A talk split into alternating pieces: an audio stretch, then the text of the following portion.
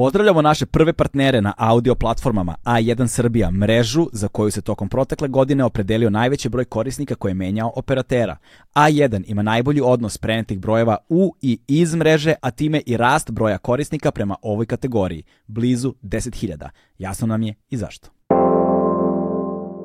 Legend Worldwide je domaći modni brend prepoznatljiv po džinsu i stilu, fokusiranom na stvaranje smirenog dizajna sa prizvukom modernog nasuprot bezuslovnom praćenju modnih trendova.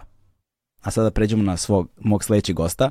A, moj sledeći gost je, pa malo reći legenda, a, čovek koji a, je već više od 30 godina na muzičkoj sceni. A, ljudi koji on je sa svojim bendom a, početkom 80. godina stvorio ono što danas znamo kao pokret novi primitivizam.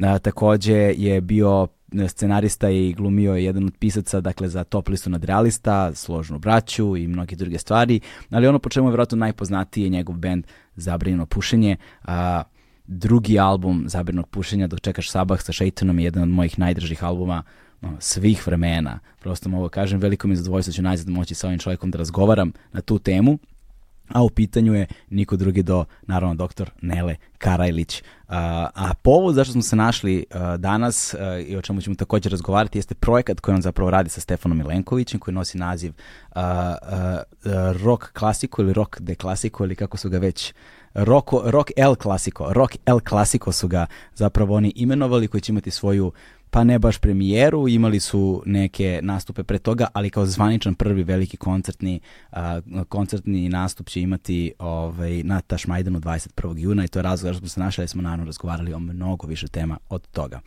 Nele Karalić, moj sledeći gost, uživajte.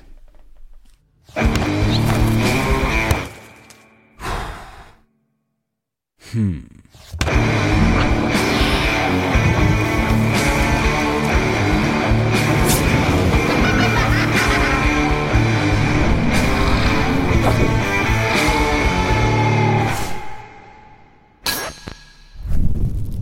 Evo ga, možemo da počnemo. Izvolite. Dobro nam došao. Bolje vas našao. Kako si?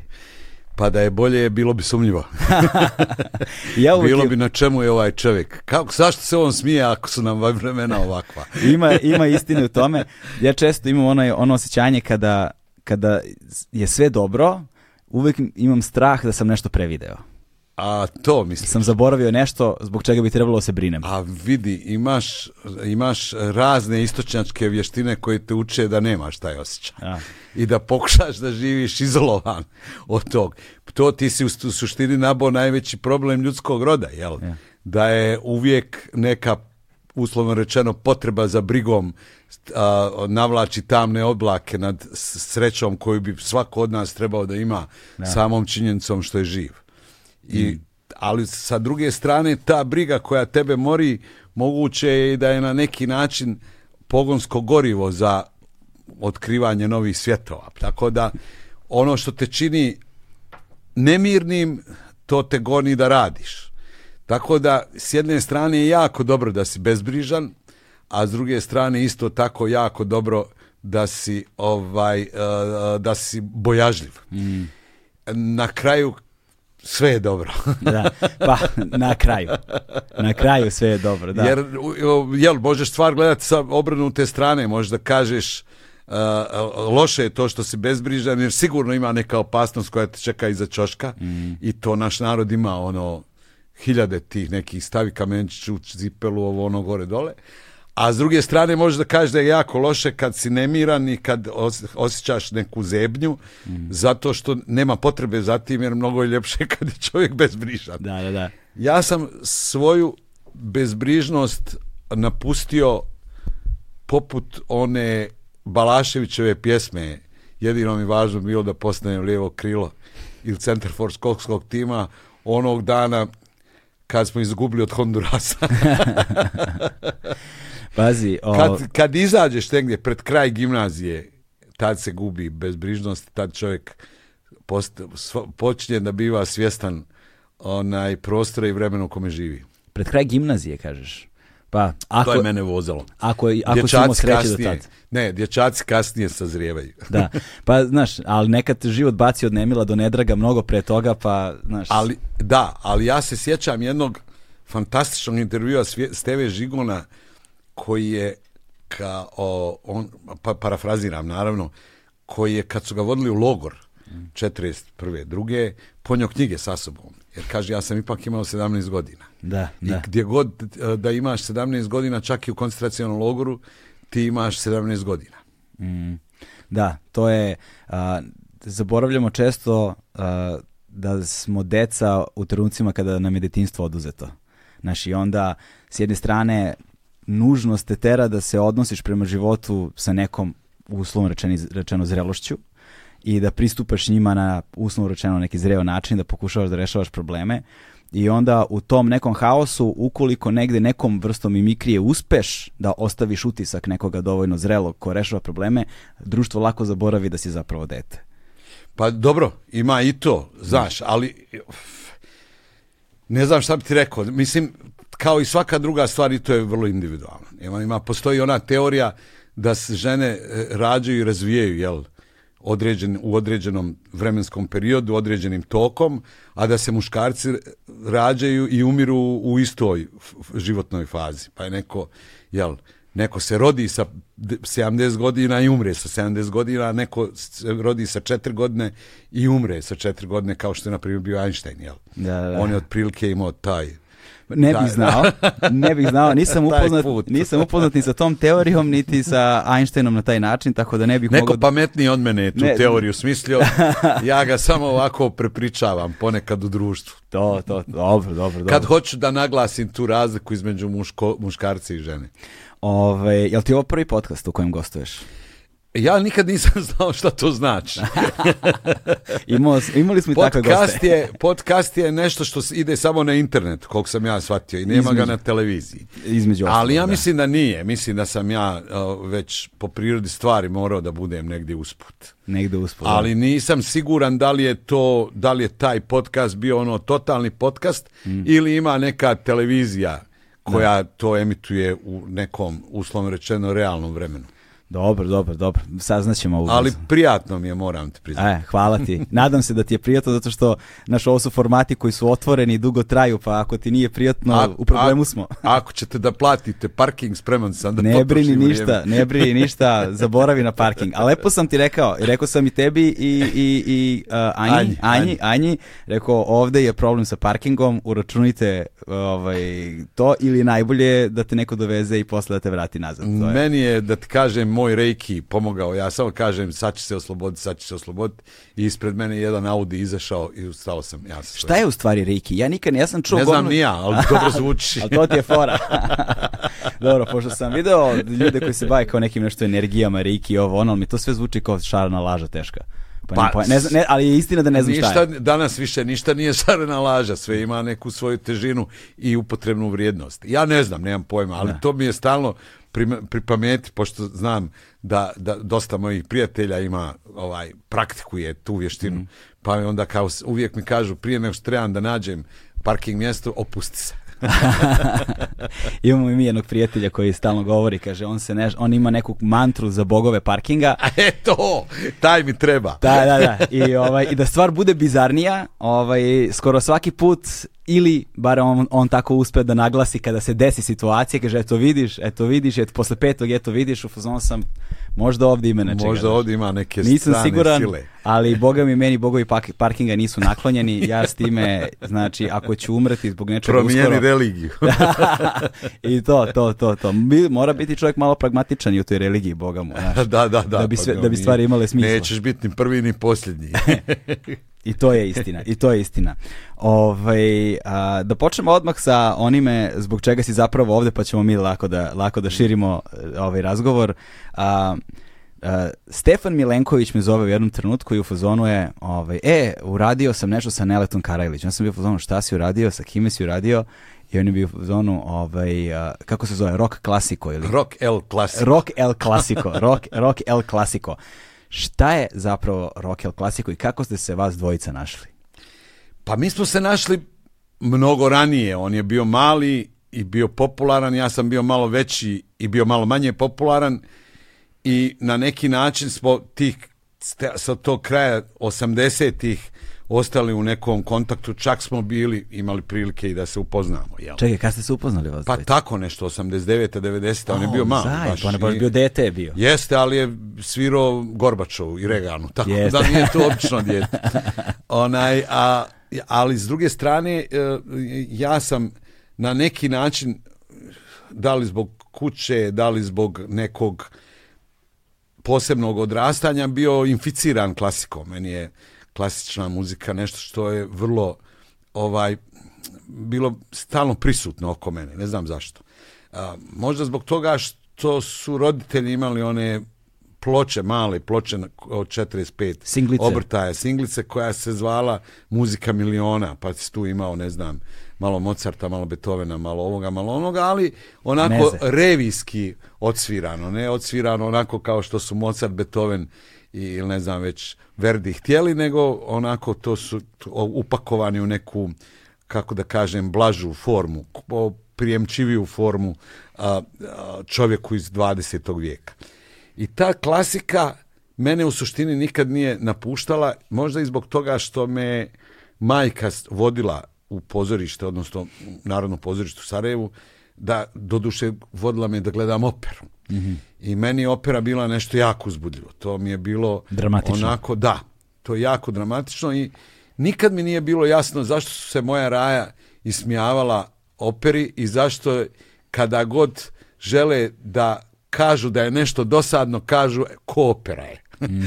meni je bilo uvijek suprotno, meni je bilo uvijek zanimljivo i uvijek uh, uh, ti kostimi, ta svjetla i na kraju krajeva muzika, gromka muzika koja je horljala sa, sa scene Narodnog pozorišta u Sarajevu je u meni budila uvijek neko, neka posebna uzvišena osjećanja. To me vuklo do recimo sredine osnovne škole. Poslije toga sam kao i svak normalan dječak prešao na, prešao na futbal. Rekao na punk.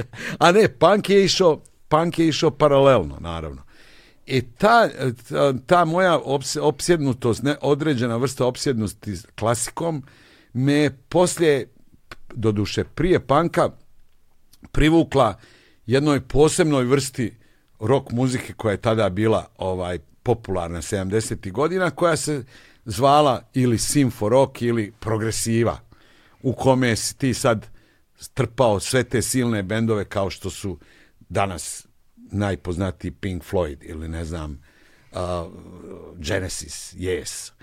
A opet s druge strane, uh, moji favoriti su bili oni bendovi dinosaurusi to, te muzike koji su koketirali sa klasičnom muzikom kao što je to činila grupa koja se zvala Emerson, Lake and Palmer. To su njih kao trojica koji su svirali magično svoje instrumente. I tu je negdje uh, moja ljubav prema klasici dobila definitivno opravdanje jer je jer se pojavio neko koga sam ja sad slušao koji je u potpunosti tu klasiku prebacio u zvuk rock muzike. Da, da.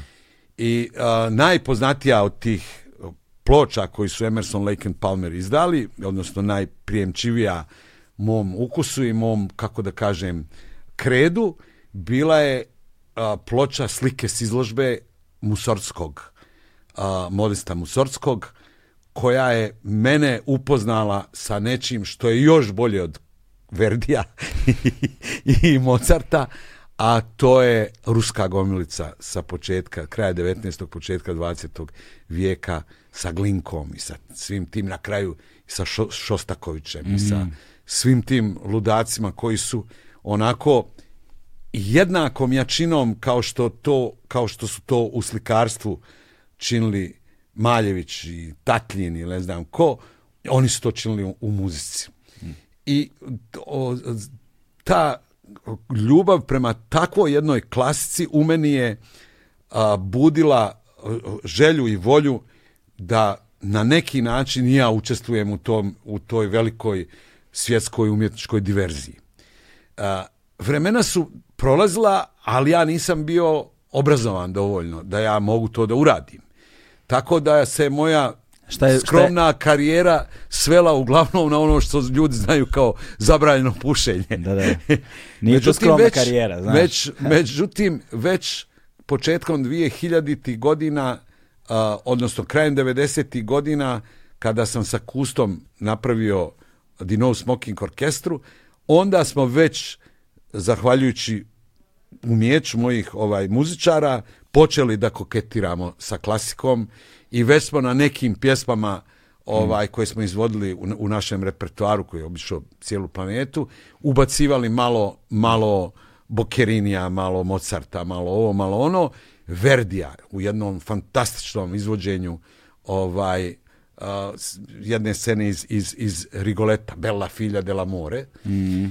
I ta ideja o spoju klasike i rock muzike me je tresla sve dok jednog dana uh, Dejan Grastić, moj i Stefanov drug, nije rekao, pa dobro, kad ti voliš već toliko tu klasiku, a Stefan je svakako dovoljno lud da prihvati bilo koju drugu opciju, zašto ne napravite nešto zajedno? I Kad je to bilo? Pa recimo prije tri godine, odnosno n- o- o- prve godine prije korone. 2019. 2019. I, da. I ideja je bila da 2020. napravimo, napravimo taj zajednički nastup Rock El Clasico. E, nije meni trebalo, Stefan je naravno sa velikim oduševljenjem prihvatio izazov, jer je on je i taj koji je na neki način gladan te vrste muzike, jel? To je e, dječak koji je sa tri godine ili ne znam već koliko izašao na Santiago Bernabeu i još uvijek se nalazi na, na, u vrhu te svjetske klasične ovaj muzike, ali fali mu, jel, po prirodi stvari mu fali jedan, kako da kažem, dodat, jedno dodatno uzbuđenje koje uh, rock muzika sa sobom ima, a ni jedna druga umjetnost a, nema. Jer izaći na scenu i pjevati rock muziku je najuzbudljivije što čovjek može da doživi. Ne, a, iznad toga možda silazak na mjesec, ali ne vjerujem da ću imati prilike da to dvoje poredim. A, nije meni trebalo mnogo da ja ukapiram šta to u stvari treba da se uradi, ali mi je bilo a, jako važno da, da nađem nekoga koji će da razumije vi, moje vizije. A, do sada je rock muzika sa klasikom ulazila u dva oblika. Ili su rock grupe uzimali klasične klasičnu muziku, prerađivali i aranžirali za sastav, bas, bubanj, gitara, klavijature, flauta od ovog, ono, kao što je to činio Emerson Lake and Palmer ili Jethro Tull sa, ne znam, Kad si, čim, Bahom, si, čim si rekao flauta, prvo mi je E, Jethro Tull da, pao na Jethro pamet. Da. Tull ili ne znam šta, ili Exceptionsi ili ovo i ono. A. Ili klasični muzičari uzmu o, ovaj rock standard i na svojim instrumentima sviraju ovaj rock standarde kao što to čini vrlo uspješno i vrlo, vrlo interesantno tu čelost, na primjer. Ili, ne znam, rock, naša rock simfonija.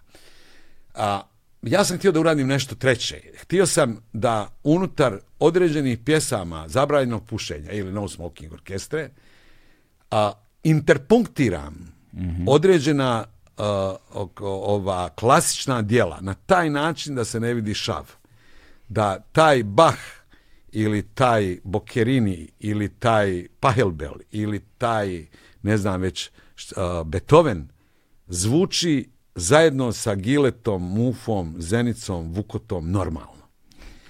I zahvaljujući svesrdnoj podršci mog benda i Ane Krstajić, naše mlade, mlade nade kompozitorke, koja je izuzetan talent, a, mi smo na neki način to uspjeli. Da. Ana I- Krstajić je nekako uh, prilično nevidljiva u javnom prostoru s obzirom na njena postignuća. Ona je neverovatna i mi smo Pa- sarađivali sa njome također nekoliko projekata. Ana je bila, Ana je bila ovaj, uh, d- Ana je uh, d- osuđena da bude u, u, u toj poziciji jer se bavi nečim što nije turbo folk, ja, to nije, jel, je- ona je po prirodi stvari nije, ne, kao, pje- kao pjesnik, jel. S tim što naravno sada nova tehnologija i novi način komunikacija izbacuju iz, na, na svjetla, odnosno okreću svjetla pozornice i prema takvim ljudima koji se bave uslovno rečeno alternativnom, alternativnoj umjetnosti. A1 je prvi prijatelj audio izdanja Agelast podcasta. Ja sam do nje došao slučajno, tako što sam radio muziku za, za, za predstavu o Nikoli Tesli 2016. godine i njen otac, s koji je sa mnom dobar drug, ka- kaže mogu da ti pustim šta mi čera radi, ajde reku pricni. I onda sam čuo te njene i ja mu kažem, rekao, brate, ovo je genijalno. I on je mislio da se ja s njim zezam. Kaže, daj, nemoj zajebat. rekao, ozbiljno, daj mi, rekao, telefon djeteta, idemo u novu avanturu. I ta avantura traje i vi ćete 21.6. na Tašmajdanu vidjeti kaka, kako, je to, kako je to jako dobro i jako uzbudljivo. Da, na Tataš Majdanu će biti premijera zapravo, je tako? Pa mi smo već imali praktično tri nastupa. Aha. Dva mala koja smo imali u Beogradu, u Narodnom muzeju i u Kolarcu. Oba su bila na neki način humanitarna akcija pomoći lijevo-desno. Ali smo imali jedan veliki nastup u Dubaju na, na Expo, izložbi Expo ovaj, 2020, odnosno 21, ali oni nju zovu 20. Jasno, kao jasno. diva. Ta godina im je, pojeli su je skakavci. I taj koncept u, u Expu nam je dodao dodatna krila jer je bilo jako ovaj uspješno i bilo je onako iz- imali smo iznenađujuće jak ostavili smo iznenađujuće jak utica, utisak na publiku koja je iz svih krajeva svijeta. E sad, tu nekoliko ono stvari si otvorio zanimljivih. Prva je uh, ona sa početka u kojoj si rekao kao nisam imao dovoljno obrazovanja da bi se bavio ovakvim stvarima. Šta je to u obrazovanju što ti nedostaje ako si već prilično dovoljno muzički obrazovan i iskusan da bi, da bi implementirao te elemente u, u jedan ovakav projekat kao što je sa Stefanom? Pa ne- a- a- o- ne- ne- neophodno je ono što ja nemam, a to je klasično obr- obrazovanje. Ja sam krenuo u, u nižu muzičku školu i mene je grizlo to što ja četvrtkom i petkom ili subotom ili ne znam ponedeljkom popodne sa onom kožnom taštom punom nota nekog, Partiture. nekog černija ili ne znam čega baha idem u školu a sva djeca igraju futbal to mi je bilo onako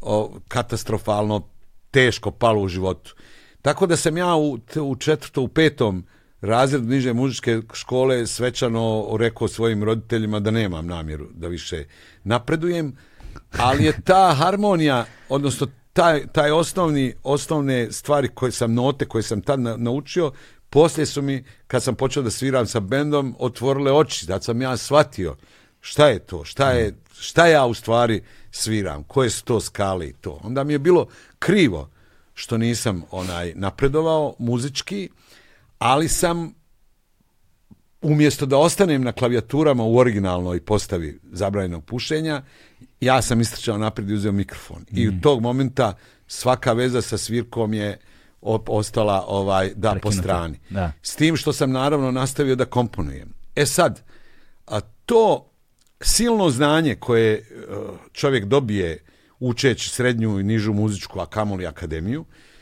a, mnogo olakšava jel, i, i komponovanje i razumijevanje muzike to, ali na neki način i otežava na neki način pa, postaje balast odnosno neka vrsta lanaca kojih morate da se oslobodite.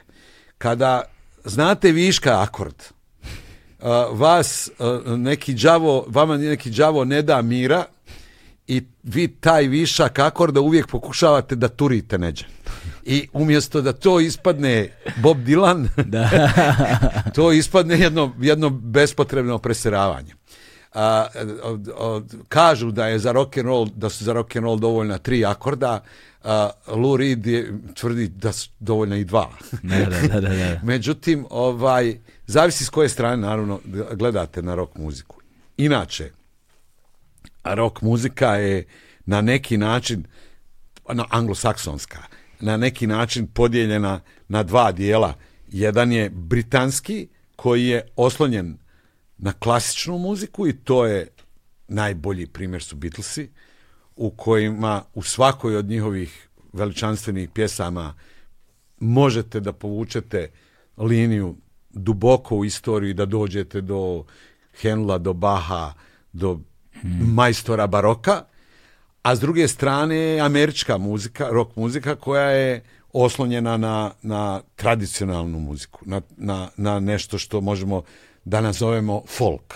Je. Tako da u toj podjeli Stonesi su više američki bend nego engleski. E sad, za ovo što su radili Beatlesi, a, to, za to je zaista neophodno bilo dodatno poznavanje muzike, bez obzira što kažu da McCartney ne zna da piše note, to nema veze s tim. A opet za ovo što su radili, što su radili u američki, jel, Bob Dylan, onda vam onda vam to poznavanje muzike zna biti problematično. Pazi, a, to poznavanje nota, odnosno partitura i to nije nužno, jel te, za poznavanje muzike kao takve i za kreativne procese. Ima ta čuvena priča o Milesu Davisu i um, Jimi Hendrixu kad su se sreli, jer je Miles Davis bio veliki fan Jimi Hendrixa. A ja, evo vidiš, to ne znam. Da, i ovaj, u backstage-u nekom, sad nije Woodstock, ne znam, ali nekom tak, znaš, festivalu su se sreli u backstage-u i ovaj, a, Miles Davis je napisao a, muziku za njega i Jimi Hendrixa i dao mu je partiture, ovaj je uzo, pogledao ih je, vratio mu i rekao, ja ne znam da čitam note. Da, ne može. I onda je ovaj njemu na trubi odsvirao, on je čuo jednom i ponovio sa sopstvenom Izdao interpretacijom. je šta treba da nabode. Da, i znao je šta treba da bode i dao sopstvenu interpretaciju tog, te iste stvari. Te iste stvari. Znaš. U suštini uh, uh, instrument, odnosno muzika je, je sredstvo, jel? Je.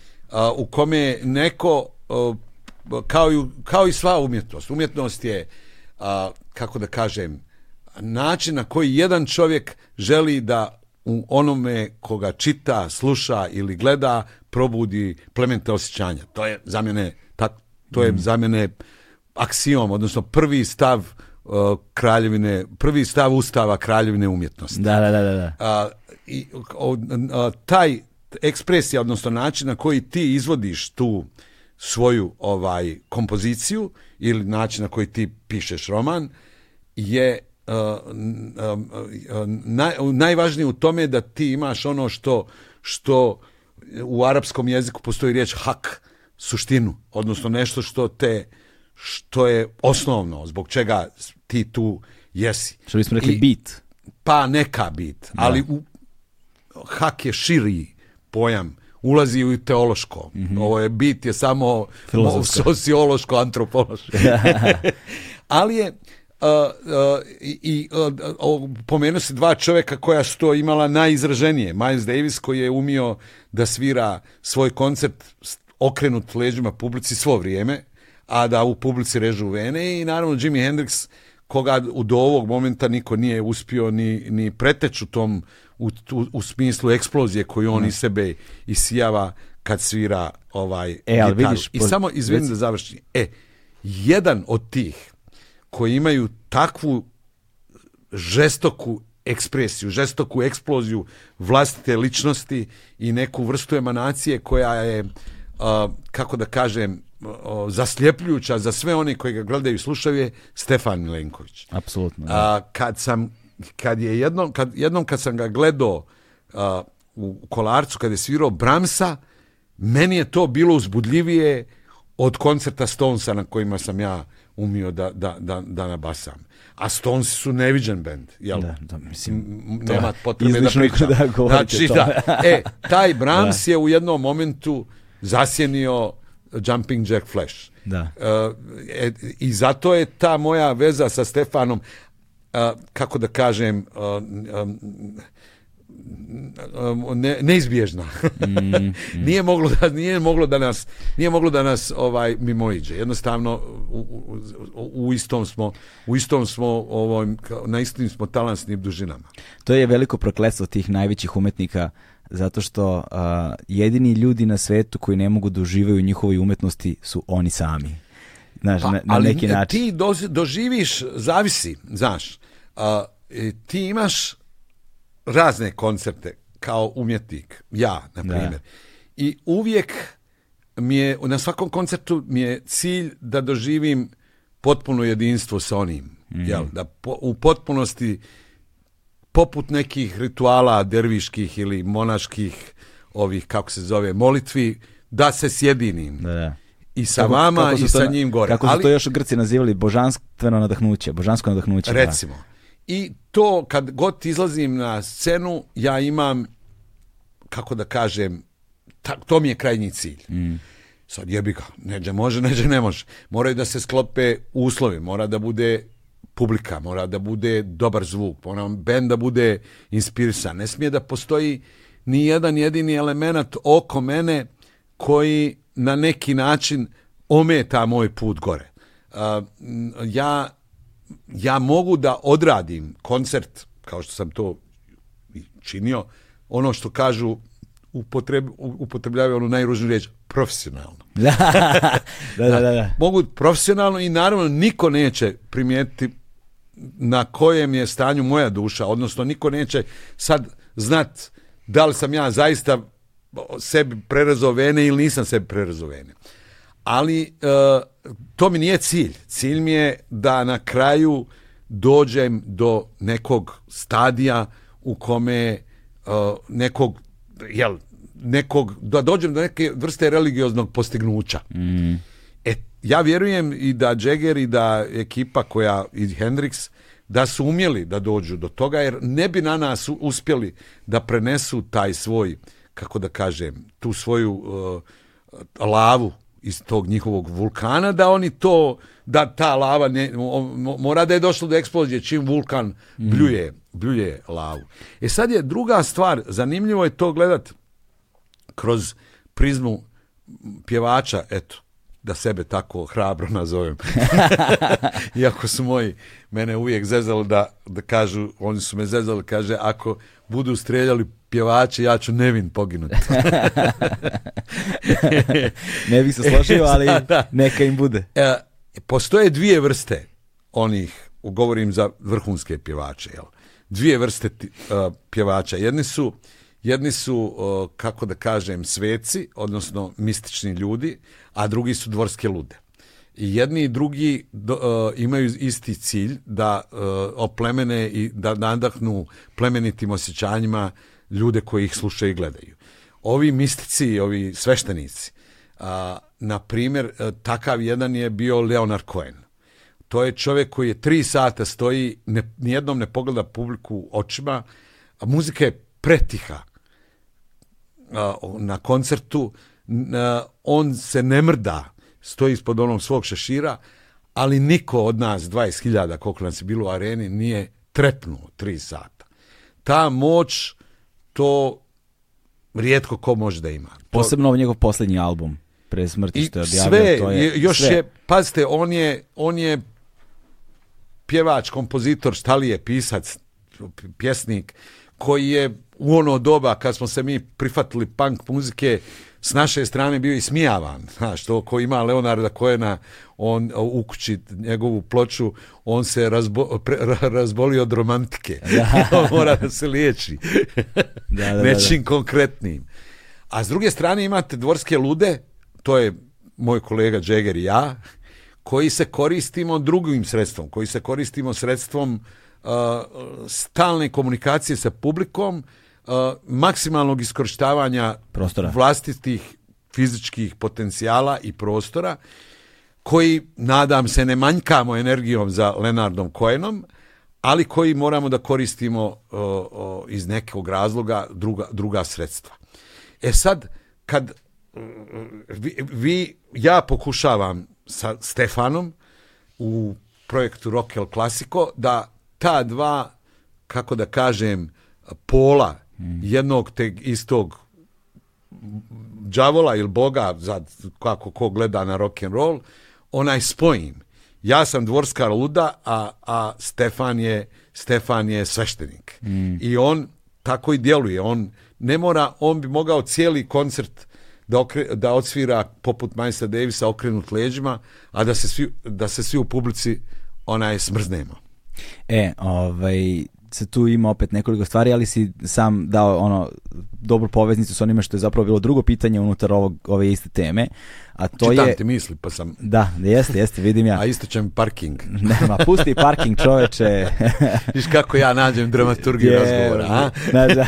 Sad će svi gledat to do kraja da vide da Da li, vide da li će sam parking, da li će parking da bude. Sad E, ćemo, Poštovani gledalci, sad ćemo mi da vidimo. Ima još. Ima još, ne brinite ništa.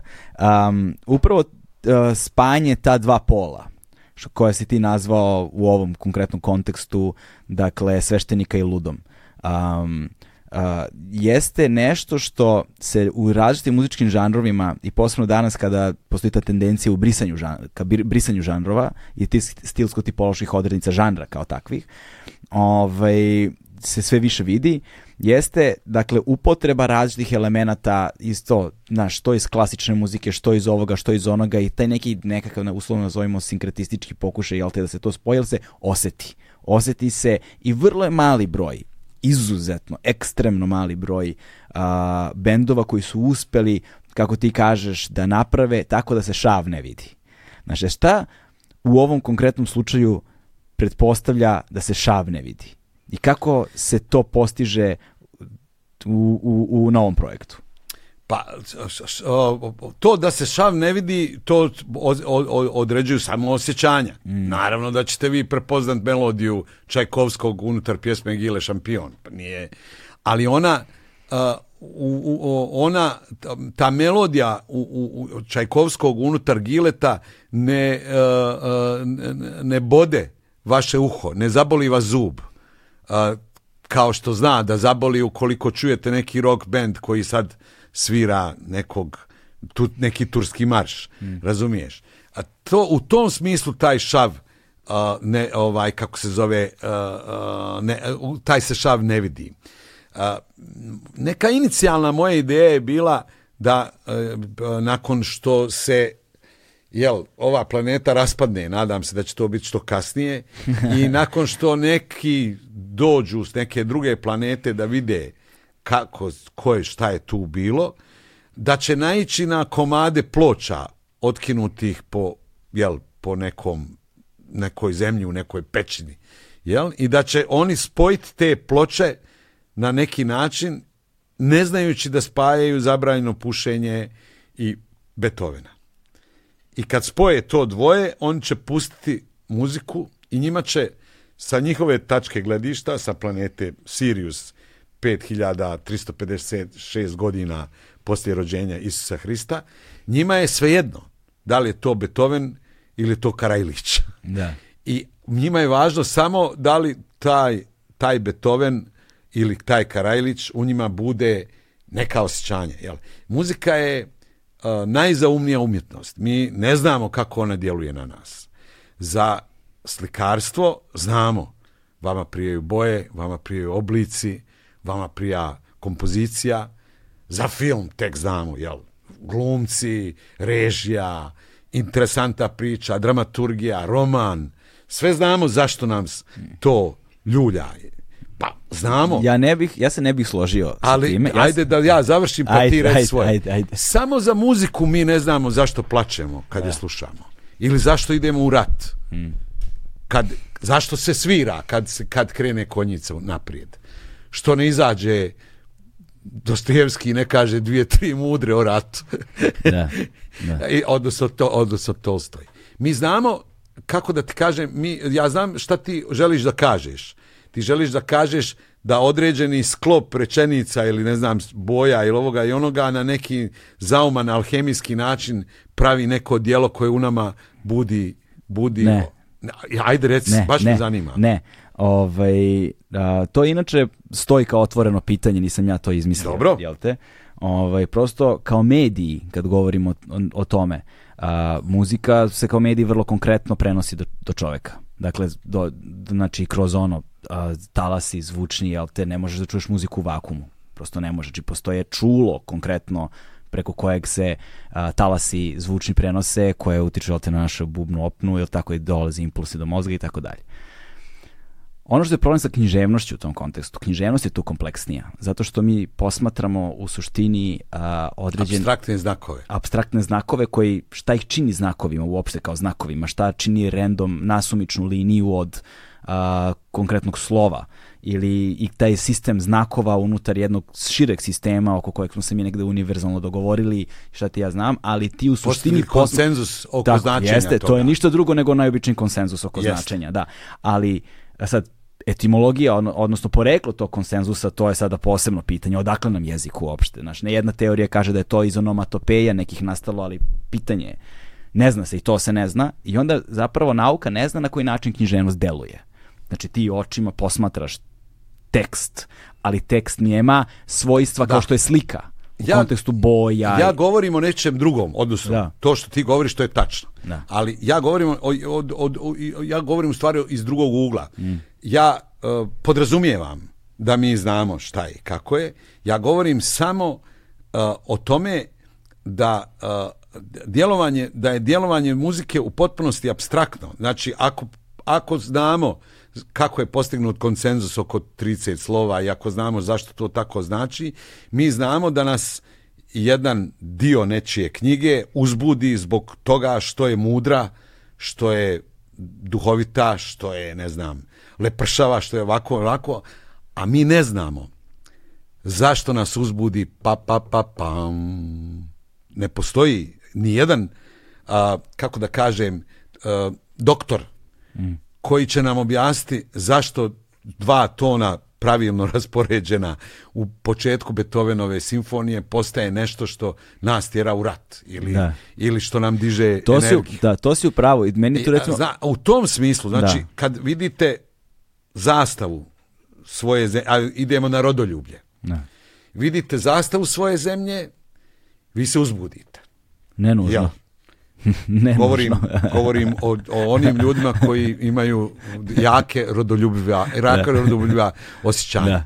Kada čujete neku pjesmu posvećenu vašoj zemlji, vi zaplačete. Jel? Ne. Kao, na primjer, uzmete nekog Dučića i pročitate Ave Serbija ne. i vi se smrznete. Ali kad ona truba počne da svira pom, pom, pom, pom, pom, pom, pom, pom, pom, pom, pom, vi se fatate oružja. E sad, Dučić, zastava je napravljena od tri boje u koje su raspoređene na određeni način i ona vas od početka vašeg života uči da ste vi pripadnik tog plemena, da ste vi od, odani, da je to vaš prostor, ambijent, ovo ono, i vi ste za tu zastavu vezani na neki način kroz svoje od, od, od, odrastanje, mm. kao što sam ja bio vezan za zastavu Jugoslavije sa petokrakom, jel, između plave, bijele i crvene boje. Kada čitate Dučića i Jave Serbiju, vi čitate jednog od najvećih majstora jezika, koji na, na, na maestralan način sklapa riječi koje u vama bude ljubav, patriotizam i emotivni odnos prema vlastitoj zemlji. A kad vi čujete pam, pa, pa, pa, pam, pa vi ne znate šta vam se događa. Mm. O tome ja govorim. E tako je muzika u suštini, na, zbog toga je muzika u suštini najabstraktnija umjetnost i zato sam ja duboko uvjeren da će taj neko ko dođe sa Siriusa 5038. godine po rođenju Isusa Hrista prepoznati značaj i bit ljudske civilizacije ne po onome što je napisao Dostojevski, iako je to najbolje od svega što je ljudski rod smislio, niti po onome što je naslikao ovaj Picasso, već po onome što su radili Beethoven i Karajlić. da. Praveći neku svoju, neku svoju sintezu. I to je, kako da kažem, to je na, na neki način bio osnovni idejni okidač projekta u kome smo Stefan i ja evo mm. već duboko zašli. Ovaj, u tom kontekstu, da, to što govoriš uh, ima smisla, sa time da... Vezuje se. Pa vezuje se, ali da, ali ono je od istorije sad ne mu kažem civilizacije i starije negde od toga, ali ono koliko naše znanje sada kao kolektivno negde doseže sa svim pisanim i, i ono arheološkim tragovima jel te čovečanstva, da jedna, da tri elementa su se kontinuirano provlačila kroz celokupnu istoriju ljudskog roda ovaj, i to možemo da vidimo kroz ritualno pre, prevashodno.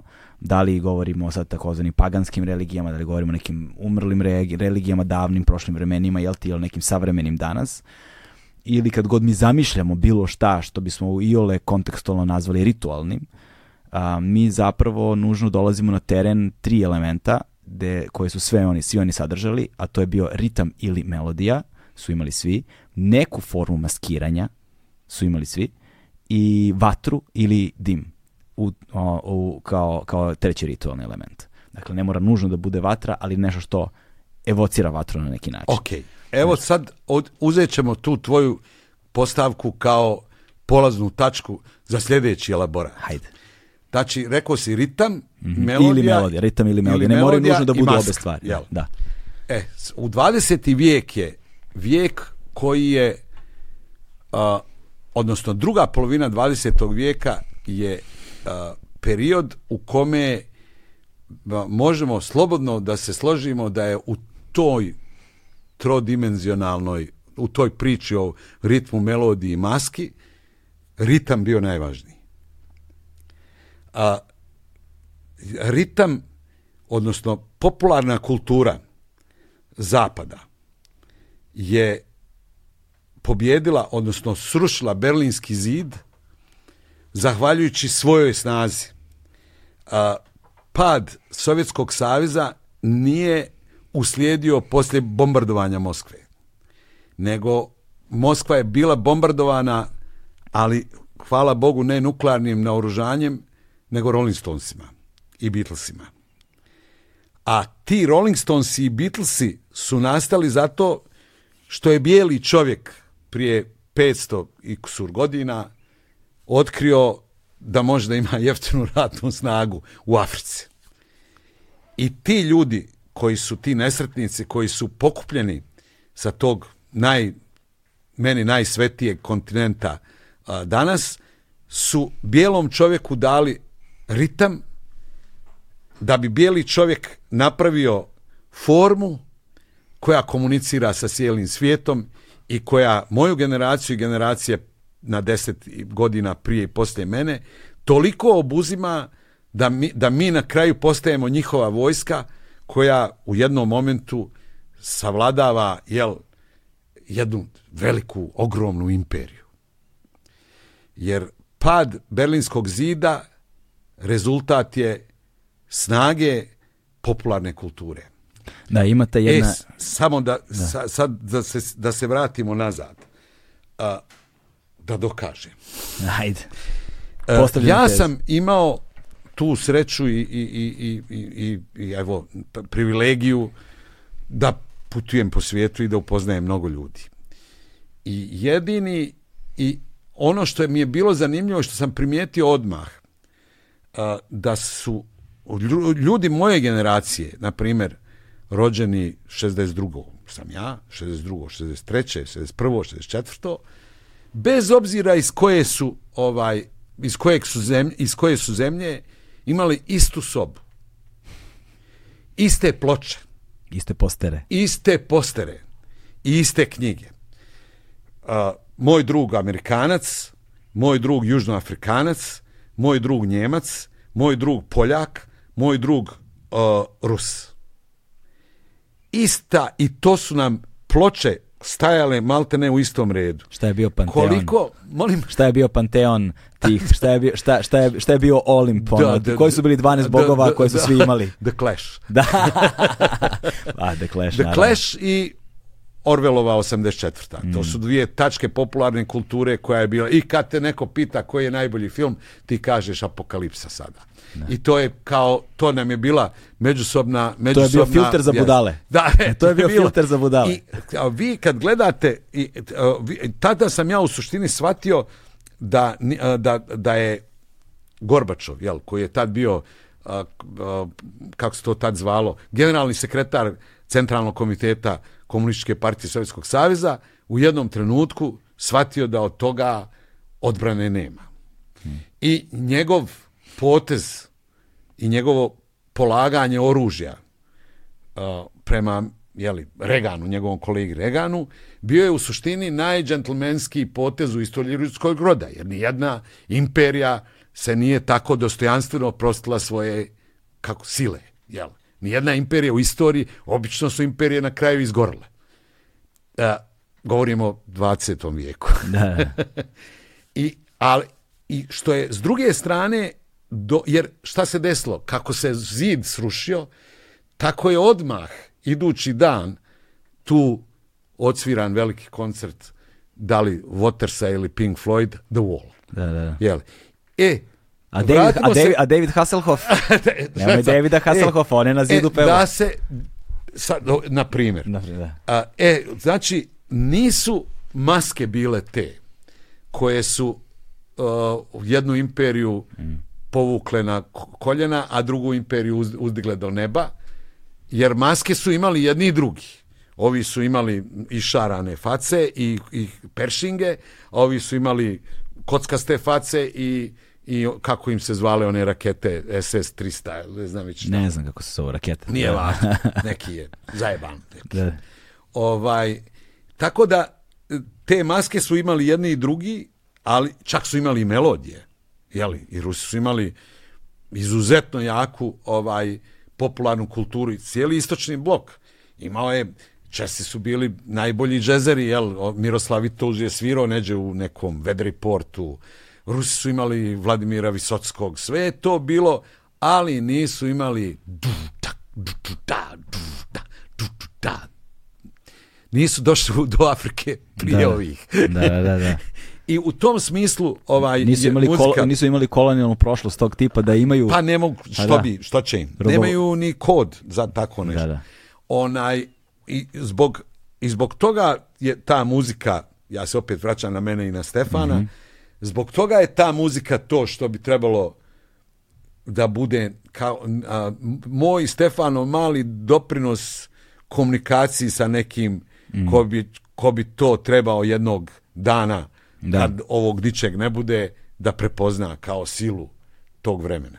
Dobro, da, maske u preslačenje ili šta god, ono u najširem mogućem značenju, je uvek imalo više, u tom ritualnom kontekstu je uvek imalo više tu uslovno rečeno, sad opet u širom kontekstu, karnevalsku funkciju. Imalo je društvenu ulogu, jednu vrlo konkretnu koja je imala to, maskiranje određenog identiteta i transcendencija u neki drugi identitet ili možda neka vrsta društvene kritike, satire ovoga i onoga, što karnevali negde jesu bili u svom, svojoj istoriji. S druge strane, a, vatra i dim imaju taj element jel te, o, o, okupljanja i nečega što nam je ostalo verovatno evolutivno, jer je vatra ipak bila hiljadama godina ovaj sredstvo preživljavanja a, ljudskog roda, jel te genetski nam je upisano, ali da, a ritam i melodija, ritam pre svega čini mi se, ovaj bude to nešto kolektivno u čoveku. Znaš, to je nešto što možemo, to je, to je iskustvo koje možemo da podelimo i koje komunicira sa nečim fundamentalno ljudskim, nečim možda nekim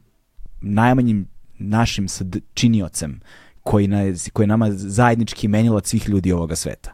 I možda se ne razumemo u jeziku, možda se ne razumemo u kostimu, Ali- možda se ne razumemo u kulturi, u vrednosti, u, u vrednostnim odrednicama, moralnim, etičkim, kakvi god, ali kada nas ritam ponese, jedno smo. Ne možemo da izbjegnemo. Jeste. Jedno smo, jedno smo, ima to I- kolektivno ja. Ima. I to ima, i to je čak i naše iskustvo, recimo, ovo, kao, dok sam jel, radio sa Emirom i sa No Smoking, naša muzika je bila neka vrsta, kako da kažem, um, bučkuriša balkanskog melosa plus špic rock and rolla koju ja nosim sa sobom, tako da je to dobilo, e, ta muzika je imala ovaj neku, neki poseban oblik, mnogo drugačiji od onoga što se, što se zvalo etno, ili već k- kako se zvala taj, taj pravac. Znam da je tih krajem 90. godina da su ti da su svi naši izdavači u Francuskoj imali problem gdje da nas stave. Da li je Pa to, to je- etno world? To, world to, to je sa world, da. Petersonom postao Ja. world music. E, world, music, ja, ja. world music, da. E, mi smo bili malo onako, nije se znalo da li je world ili nije world. Ali, a, dobar dio našeg repertoara bio je vezan za, za brzu, brzi dvočetvrtinski, četvrt, četvrtinski ritam koga i ples koga mi ovdje znamo pod imenom kolo. To je najjače oružje koje smo mi imali i koje ima inače srpski narod i srpska kultura. Kolo je e, najautentičniji naš kao- kako da kažem, mač, a umjetnički naravno. I nije postojalo nigdje, ni jedna tačka na svijetu od Seula, Tokija, do, ne znam, Montevidea, Buenos Airesa, uh, New Yorka, idi mi dođi mi, Bejruta, gledam različite kulture, Jerevana, gdje smo mi svirali, a da to kolo nije, kako da kažem, pokrenulo erupciju radosti u publici. Tako da je to, svjedok sam tih tvojih ovaj riječi, da je to nešto, neko zbližavanje jedno s drugima, vjerovatno je i to kolo i nastalo i u, među Srbima iz razloga što je vidimo i, i danas i cijeli svoj život i cijelu istoriju da nam je jako važno da se držimo za ruke i da budemo jedni, jedni pored drugi. I to je, kod Srba ima taj, kako da kažem, dodatni, uh, uh, kod Srba ima tu još i dodatna do, dodatna začkoljca, jer je Srbin sam po sebi individua. On jako teško funkcion, odnosno lakše funkcioniše van nekog sistema koji ima jasnu subordinaciju. To je opet vezano za mentalitet, a mentalitet je opet vezano za nešto drugo. Ako uđemo u to, platit ću parking skuplje. Ali znači ima, ima kao individu koja, koja po znacima navoda želi da misli svojom glavom, a opet s druge strane ima strašnu potrebu da, da, da, da je da ima s kim popit kafu. Da, ali ja to ne bih nazvao fundamentalno srpskim, ja bih to nazvao bilo kojim ljudskim. To bih ljudskim nazvao.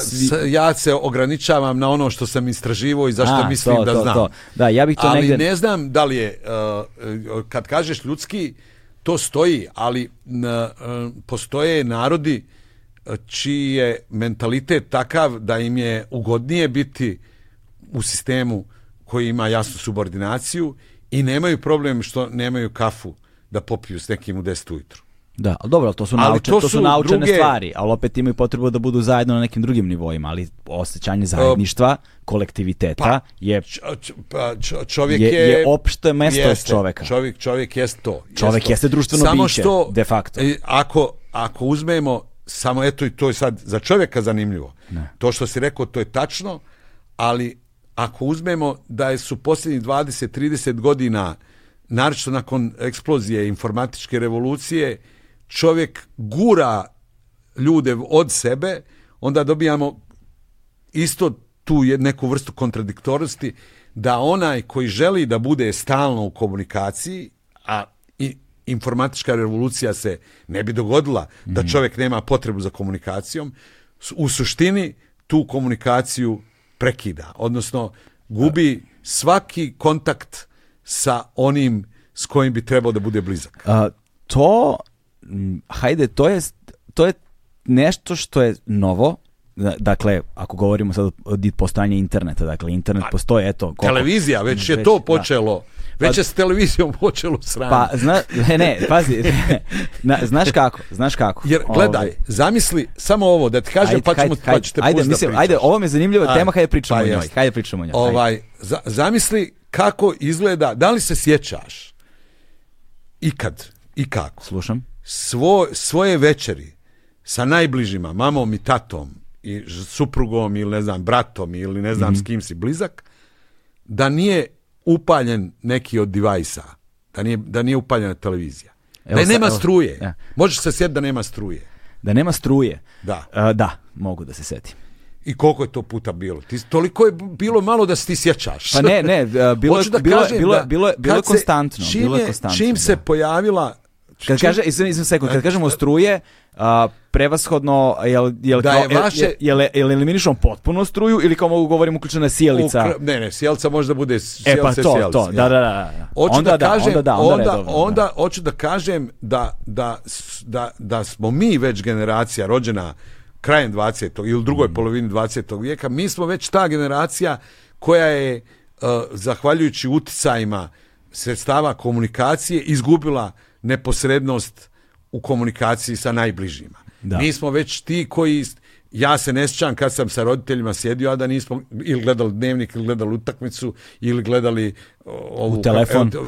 De, govorim ti u onom vremenu. onom vremenu, Sad je da, tek da.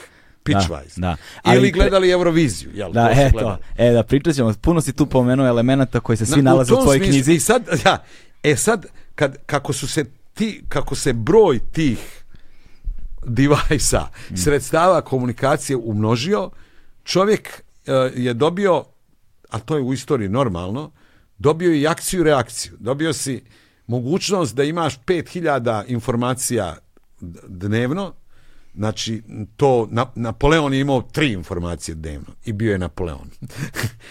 A Ali je ceo pritom- svet imao dve informacije dnevno, znaš. A sad, a da pritom ti osnovnu neku naj, najelementarniju, najemotivniju i naj, kako da kažem, najdirektniju i najotvoreniju komunikaciju manje ili više nemaš. Ona je izgubljena, nju su pojeli e, skakavci. E, U tom smislu Da, mislio dak- da kažem. dakle, hajde- I- ali to je tako, ja nisam napadač. da, da, ne, ne, To je- ne. ti Govorimo, ka- dakle, istorija ti je kao Hajde da postavimo- i- istorija ti je kao uh, uh, kao onaj što, što je s druge strane Hajde- tenisa. hajde da ti, postavimo- ti opališ na jednu stranu i ti misliš da si time nešto dobio, Ne. ali istorija vrati backhand. Hajde da postavimo to ovako. A, dakle, prevashodno moramo da pomenemo da ja ne smatram nužno to ni dobrim ni lošim, to je prosto tako. Dakle, govorimo o jednoj evoluciji stvari, šta god to značilo, ali nekakvoj evoluciji stvari koja je, eto, desila se ova tačka u prošlosti, koja je neka inovacija koja je donala nešto i ovo je sada negde epilog ili možda transformacija u nešto treće, u nešto 15, u nešto 17 i to je prosto tako. Nije nužno ni dobro ni loše, ima svojih dobrih i loših strana. Dakle, ista ta komunikacija koju govoriš, koja je relativno nova stvar u našim životima. A, govorim kroz repre- recimo ove uređaje, internet i društvene mreže koje su doneli danas, kojima imamo problem. To je jedan ekstremno nov fenomen kada posmatramo istoriju civilizacije koji, i se mi sad nalazimo na tim prvim koracima tranzicije gde, negde, gde mi tek treba da vidimo šta će da bude konačni ishod ovoga i kako ćemo mi da se adaptiramo ako se adaptiramo, ali trenutno smo žrtve tog tranzitnog sistema u kojem mi imamo tehnologiju koja je suviše napredna za, na, za ono što gde se mi nalazimo sa emocionalnom evolucijom, sa psihološkom, sa duhovnom, sa ovakvom i onakvom i prosto nas jede ono, ne možemo da je sustignemo, ne možemo da je se adaptiramo na nju dovoljno brzo. Kao što recimo u ishrani nismo uspeli da se adaptiramo dovoljno brzo evolutivno na industrializaciju šećera i indu, proizvodnju industrijske hrane, pa smo svi debeli. Toga pre 200 godina nije bilo, znaš. A ali- mogu ti ja nešto postaviti pitanje? Može? A, da li je, ko je kriv? Ja ne bih Odnosno, tražio krivca u tome, ne, da. ja bi, a, a, ja Ne bi, sumnjam. ja mislim, Da. ja mislim da se radi o jednom, o nekom nadbiću. Hmm. Jedan moj drug ima teoriju da je to nadbiće da se zove profit. A, dobro. I da na osnovu to, da smo mi svi na neki način, kako da kažem, žrtve. Od ne žrtve, nego radimo za dobrobit toga. To je da, to da, da, to da. A, ono u čemu je ta teorija tačna a, je sad malo lutam, ali ne, mo- ne mogu drugčije, pošto je prilično improvizacija. Nismo, nismo se spremali za ovo. Da, nismo, nismo, nismo. nismo čitali knjige. To je lepota ovoga. A, dakle, ta jagma za, ajde nazvat ćemo to profitom, odnosno ta naša, a, ta naše služenje profitu je do te mjere obesmislilo naš, naše postojanje da je sve ono što smo mi da, ka- ka- kao pripadnici zapadne civilizacije smatrali da je racionalno, sad praktično više ne postoji. Jer mi smo manje ili više pretvoreni u brojeve Tako je. u svim segmentima. Znači, uh, 1973. godine uh, Johan Cruyff je prešao iz Ajaksa u Barcelonu za 300.000 dolara. To je bila naslovna stranica. 300.000 dolara danas ne možete da drugoligaša iz, iz, iz, iz Arilja prebacite u futbolski klub Rad. Nema, ne, jeftin, nema, malo je to para. A, a, a trka je neprestana. Da li je Ronaldo 107 miliona ili ovaj 120 miliona ili je već to otišlo na 200 miliona, prodat je Van, onaj, kako se zove, Warhol, Marilyn Monroe je prodata za 130 miliona nečega. 195 miliona. 195, izvini, nisam pratio zadnji. Ja ne, pratim, ja ne pratim sport, ja ne pratim sport. Čim pomeneš sportiste, tu me gubiš. firme da bi dokazale uspješnost rada Mm. na kraju godine otpuštaju radnike da bi pokazali kako su one u plusu. Tako je. Je li to normalno? Ne, ne, ne. Ali nemoguće je da postoji neko ko ne, ne, ne, pa, ako, ako uzmemo Tolstoja kao nekoga koji je bio pametniji od nas dvojice, koji je rekao da istoriju ne može da pokreće jedan čovjek ili grupa ljudi, nego određeni tektonski poremećaji koji se postvaraju u određenim narodima, bla, bla, bla, onda je nemoguće da postoji neki bord iako je to romantično za, za umjetnost, da ima njih trojica koji odlučuju kako će ljudski rod da, da napreduje. Sad vidimo, naročito poslije sranja u Ukrajini, vidimo da, da, da, su svi konci izgubljeni, da niko ne može to da kontroliše, jer ovi ne mogu odove, ovi ne mogu odove, svi su iznenađeni. Ovi su iznenađeni za su ovi napali, ovi su iznenađeni kako se ovi brane, ovi što se brane su iznenađeni što im niko ne pomaže. Dakle, pitchwise, dakle vidimo situaciju u kojoj ako želimo da budemo, kako da kažem, malo racionalni, mm. mi moramo da priznamo da postoji nadbiće. Jer onda naša racionalnost dobija, dobija formu. Da. Onda mi, ti i ja, kao veliki neprijatelji nekoga koji vodi ljudski rod u propast, imamo na šta da se kako da kažem, da se, da se fokusiramo. Da. Onda kažemo, vidite ono gore na nebu, to je Mr. Profit, njega treba svrgnuti. Kako se to radi? Proletarska revolucija, ne znam, vojni udar, to ja ne znam. Ali ta, ljudski rod, naročito zapadna civilizacija, u potpunosti je izgubila svoj, svoj racio do te mjere da mene prisiljava da bi ostao sa obe noge na zemlji, da imenujem problem. Jer ako ga ne umijem imenovat, ja mogu biti samo u tom istom vrtlogu, u tom splavu koji polako, da. ali sigurno ide na Nijagarne vodopade. Ima, ima jedan tekst uh, Schillerov, ovaj, dakle, pre njegove smrti napisan posle Božovske revolucije. E, to me interesuje. Posle Božovske revolucije koji nosi naziv o sentimentalnom vaspitanju, koji govori zapravo o začecima onoga o čemu ti pričaš. Aha, eto. Znaš, gde mi zapravo imamo prvobitni obrt krupnog kapitala upravo nakon Božovske revolucije i onda rođenje građanskog društva nakon toga i onda mi imamo ceo taj, taj to putovanje, taj put o kojem ti govoriš je negde počeo sa tim nadbićem koji možemo nazovemo profit je negde, negde zapravo svojim začecima počeo se dešava tu. Znači Google... tako je, tako je. Google i Google. Naći, na, naći ćeš, da. Ali s druge strane, kada posmatramo evoluciju same stvari, mi ne možemo onda da govorimo o jednom konkretnom nadbiću nekakvom. Znaš, mi možemo da ga govorimo kao, kao nekakvom ideološkom konstruktu, ali ne o konkretnim ljudima. Zato što sam sam impuls koji je pušten u svet, onda on se otrgne i počne da živi sobstveni život u nepredvidivim smerovima razvijajući se. Samim time, dakle, jedna, ideo, jedna, jedna ideološka stvar koja je ono pod pretpostavkom da ju je neko sproveo u delo ili šta god i kao počeo da je implementira u društvo, njenu evoluciju u društvu ti ne možeš, jedan ljudski mozak ne može da zapravo obuhvati u potpunosti do kraja svim njenim rukavcima i mogućim iteracijama koje mogu da se dese. Primjera radi, pre interneta je to bila televizija, jel te? Pre televizije je to bio radio, jel te? Znaš, I radio je bila centralna stvar u domaćinstvu. Ali se domaćinstvo smatralo svetim pre nego što je radio postao u masovno upotrebljen. I govorilo se, ma neće nikada porodica pristati da centralna centralni predmet u kući koji će da ih obuzimo biti radio. Ognjište. Ognjište, da, da, znači da. radio je zamenio je ognjište. Jeste, jeste. a onda je ognjište, novo ognjište je postalo televizor. I ima ta priča a, čuvena, to je poznata priča, ljudi mogu da, da proguglaju, da, koji slušaju da, da vide. Dakle, a, je, istorijski trenutak u te, na televizije je bio kada se prvi put Elvis pojavio na TV-u. Da li Kurtović ili onaj pravi? Ne, Kurtović, ovaj pravi, pravi. E, ovaj, mada ovaj drugi nije ništa manje pravi. Znaš da se razumemo, da se ono razumemo. E, dakle, da li je to 57. godina bila ili 55. nisam siguran.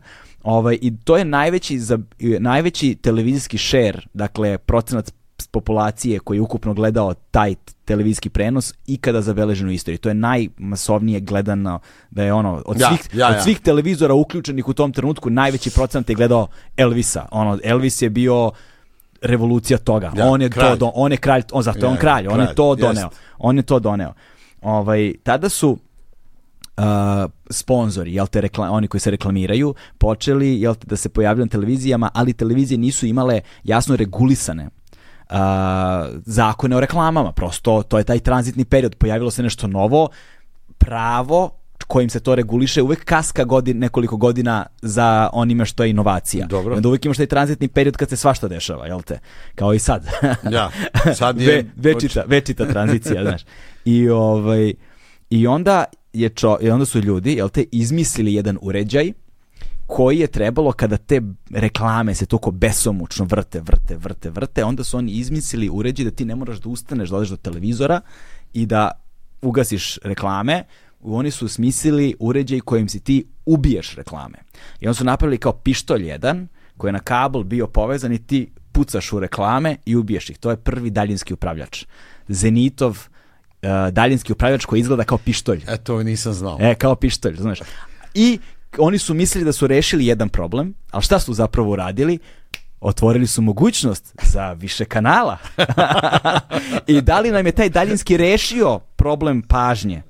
Nije, samo ga je zapravo dodatno zakomplikovao jer smo onda izmislili, šta izmislili smo, sediš ko, kako I kažu, heklaš. heklaš kroz kanale Da, i ne da, da. ustaješ satima i ne gledaš ništa. Moj star je koristio štab kao daljinski. Pa, zato što je on iz vremena pre daljinskog upravljača jebi ga. Pa i ja sam. Pa, znaš. Ja kad, ajde kad smo već krenuli o tehnologiji, to ja uvijek pričam kao jedan onako fenomen, ne da bi rekao koliko sam ja star i onemoćao koliko bi volio, ono, koliko bi želio da kažem kako se tehnologija brzo razvija, jel? Kada smo mi počeli da sviramo, uh, ploče su bile te koji su bili nosioci zvuka. I, na primjer, na, ne znam, 80% ploča išlo je 20% kaseta u trenutku kad smo mi počeli Zenicu Blues, kad smo objavili. Već dvije, tri godine kasnije, kad smo objavili Pišanje žugu, već je broj kaseta ugrozio broj ploča i recimo da je bilo 50-50. E, Pred sam početak rata, 90. 91. godine, broj kaseta je uveliko prejahao broj ploča. Ploče su bile, na primjer, bilo je, ali možda čak i 90 prema 10 za kasete. A onda se pojavio CD. Da. A, Ploče su potpuno nestale, a kasete su se tukle sa CD-om. e, Prvo su vodile sa nekih 90-10 ne- do neke 97. 8. 9. A negdje početkom 2000-ih CD je počeo da nam jahava kasete. Kasete su potpuno nestale iz upotrebe. To je nosioc zvuka koji se pojavio i umro u toku moje karijere. Nije. Ima još nešto. Ima, ima, ima. Šta? Ja sam puno razmišljao o tome, tako da ovdje sam- s- si malo, tu- a, malo na mom terenu. na tvom terenu, ajde reci. Sa tehnologijom se uvek dešava um, jedna vrlo konkretna stvar i sa svom tehnologijom je to neko pravilo. Dakle, u trenutku kada je tehnologija nova, ona predstavlja nešto što je inovativno, praktično a, i obično ekskluzivno dostupno onima koji su dobrih džepa na početku.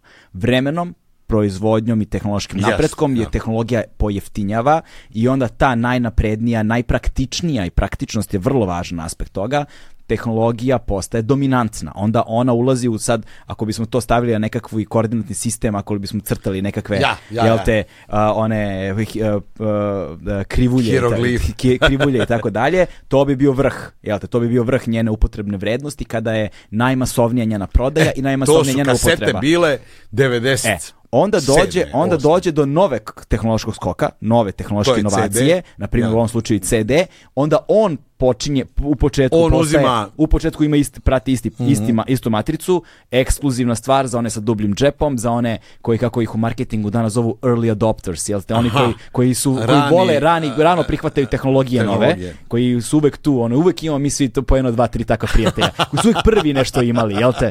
Uvek su prvi nešto Jest, imali. Šta god jest. je Video bilo, rekorder. Šta je bilo, uvek su imali prvi. E, onda to postaje opšte poznato, naravno potrebno vreme da se populacija upozna, da stekne poverenje, pa da to pojeftini, pa da mnogi eksperimentišu. I onda ta tehnologija dolazi do svog vrhunca, ova prethodna nestaje, nestaje, ali ona prividno nestaje, jer zapravo tu tehnologiju sada preuzima sledeća to je bilo krajem 90-ih kada su se pojavili ti takozvani peer-to-peer programi, odnosno kad se pojavio MP3 format, kada se pojavio Da, na- je- prvi je- Napster, pa onda drugi. Dobro, ja- ja govorim Oni su ubili CD, oni su, Jesu. ubili, oni su ubili ono što smo znali- su- Oni su sahranili ono što smo znali kao nosač zvuka. Jest. Industrija je cijela imala problema. Kako sad digitalna prava, prenose, Ja, autorska da, da. prava. To je Pitchwise bio početkom 2000-ih. Pitchwise, Jest. koji evo recimo mi ovde danas nismo još uvijek rešili. U velikoj meri. Da, se, da, da, ono, da, da. Jer ugovori se menjaju, drugačiji su ugovori koje potpisuješ. Šta I si da li sam 80. ja potpisivao? 80. potpisao, da, Nisi da, ti da. predvideo digitalni zvuk 80 i neke je. Da, razumeš? da, Niti si mogao da. ga prediš. I kako ćeš ti danas da raščivijaš ugovor od pre 30-40 godina? Hoćeš, znaš kad.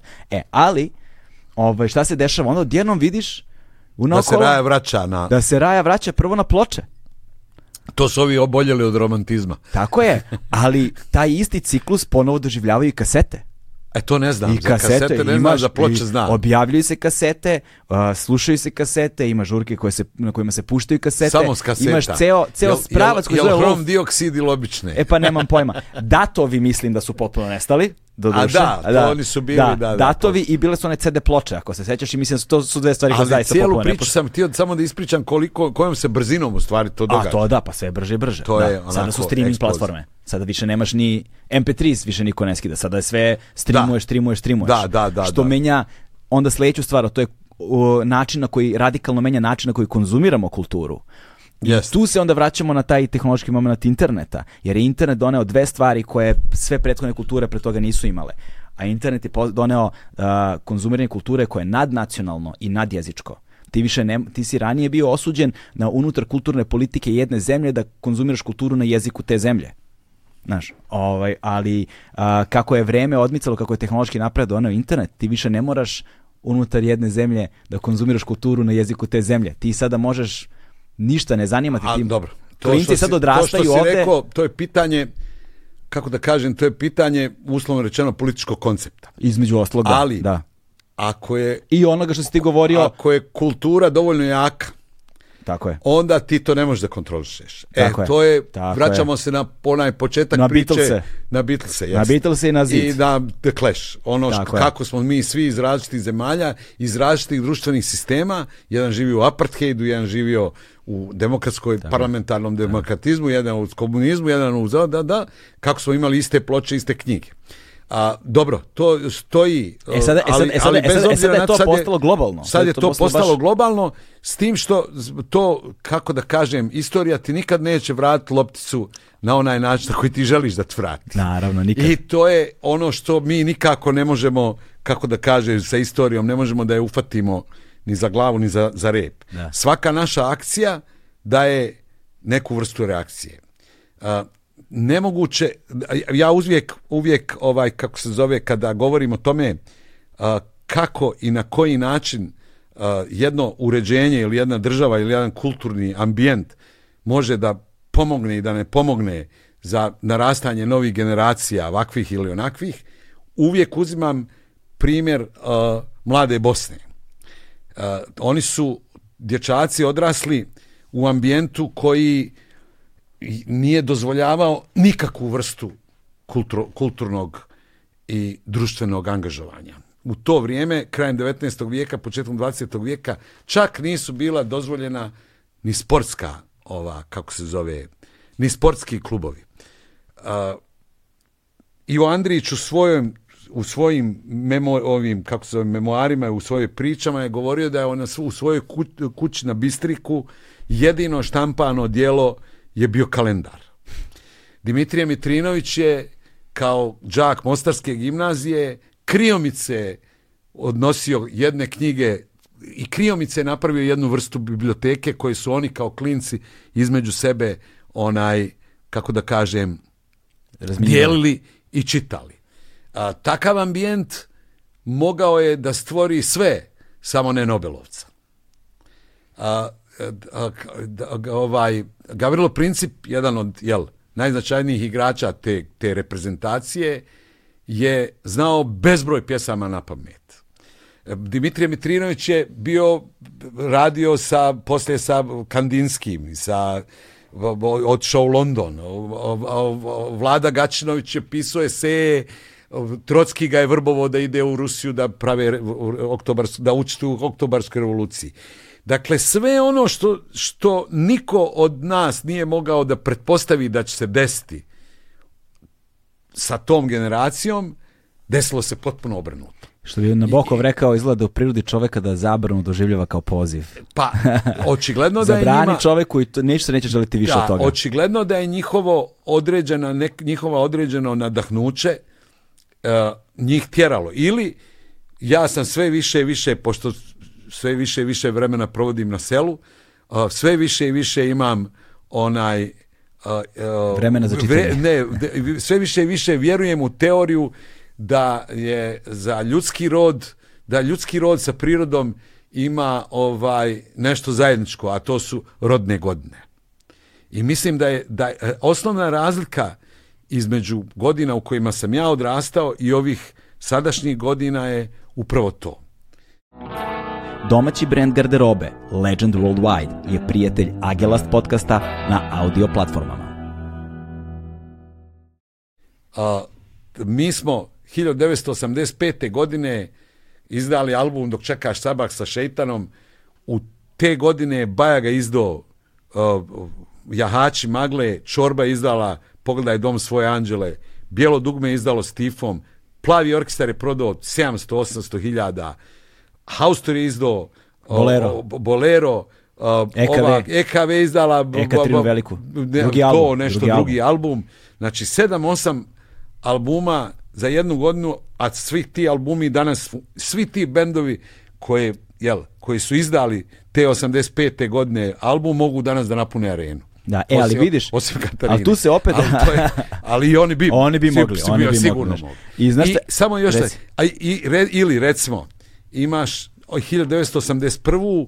kada je na e, ovome e, kako se zove na, na Pulskom festivalu filmskom festivalu, znači prvenstvu Jugoslavije u filmu u konkurenciji za Zlatnu arenu bili su e, Ko to tamo peva, samo jednom se ljubi i sjećaš se Doli Bell.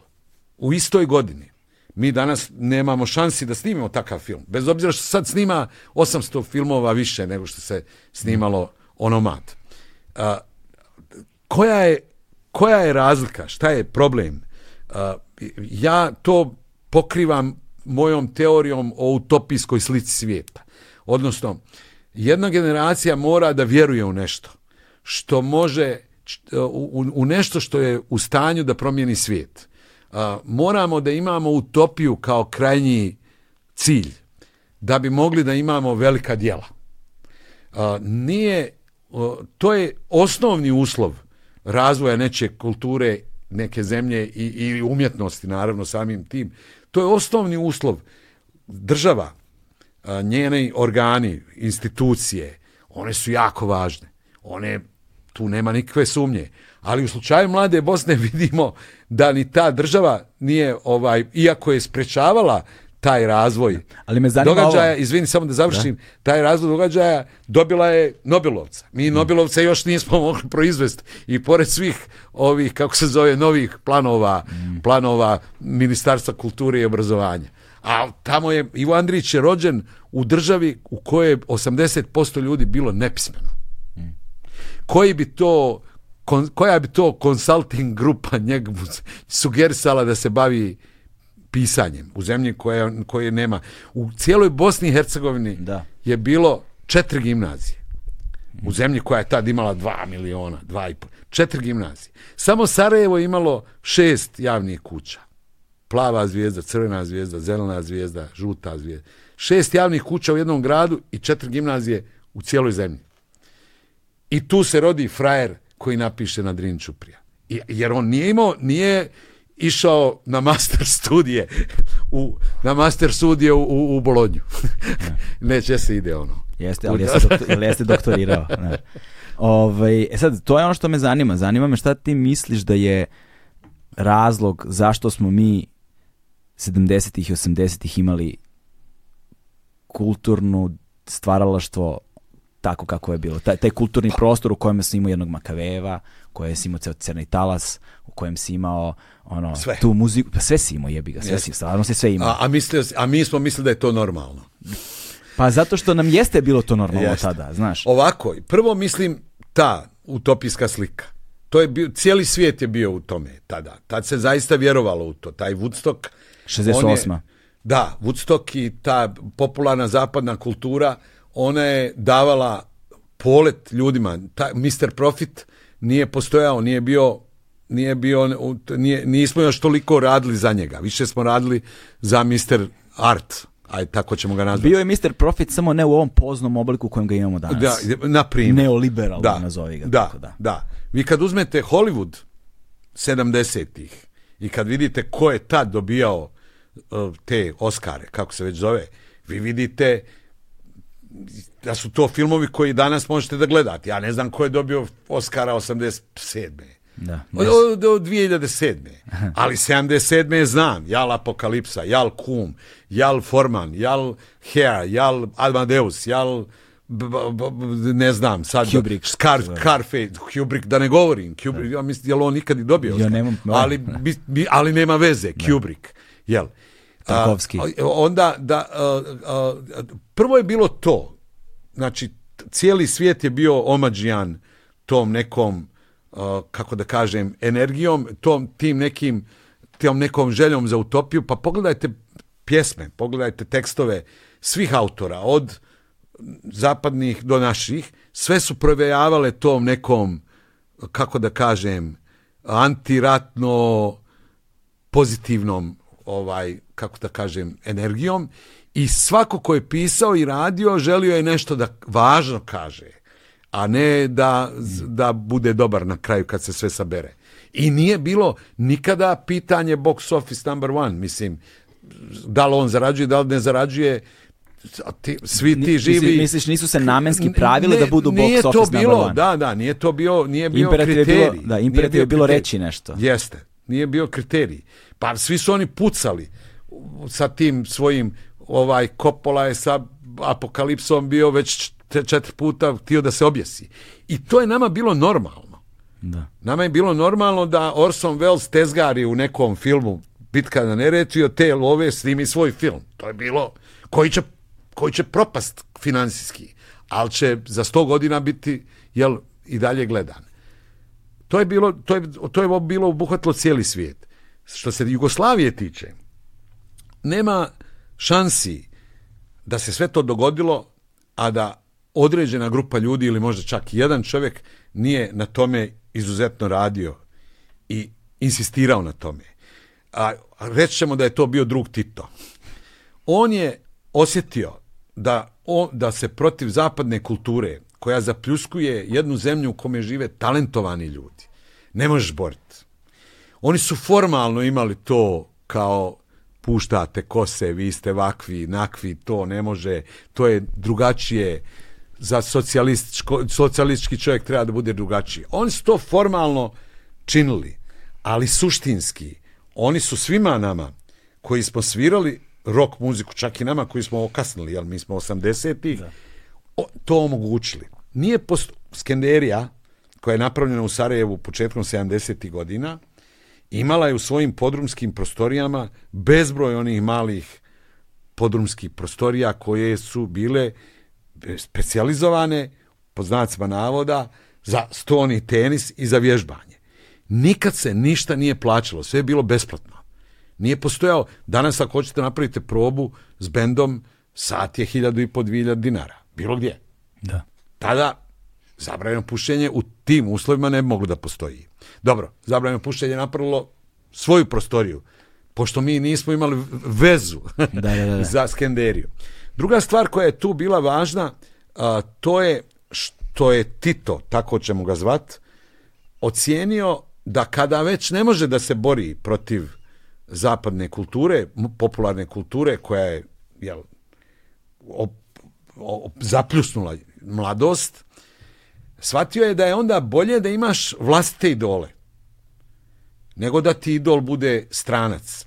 Jer a, koliko god da se zapadna kultura i zapadna, zapadni svijet 20. vijeka ismijavao istoku zbog kulta ličnosti Staljina, Mao Tse Tunga, već ko je bio Brežnjeva, ovoga, onoga, toliko je taj kult ličnosti samo kroz popularnu kulturu obuzeo zapad. Pa da. Jer histerija oko oko Elvisa i Marilyn Monroe nije ništa drugačija. Pa Andy E, Warhol, Andy i- Warhol je upravo to i radio. Upravo to i radio, Upravo jer to i dolazi s istoka.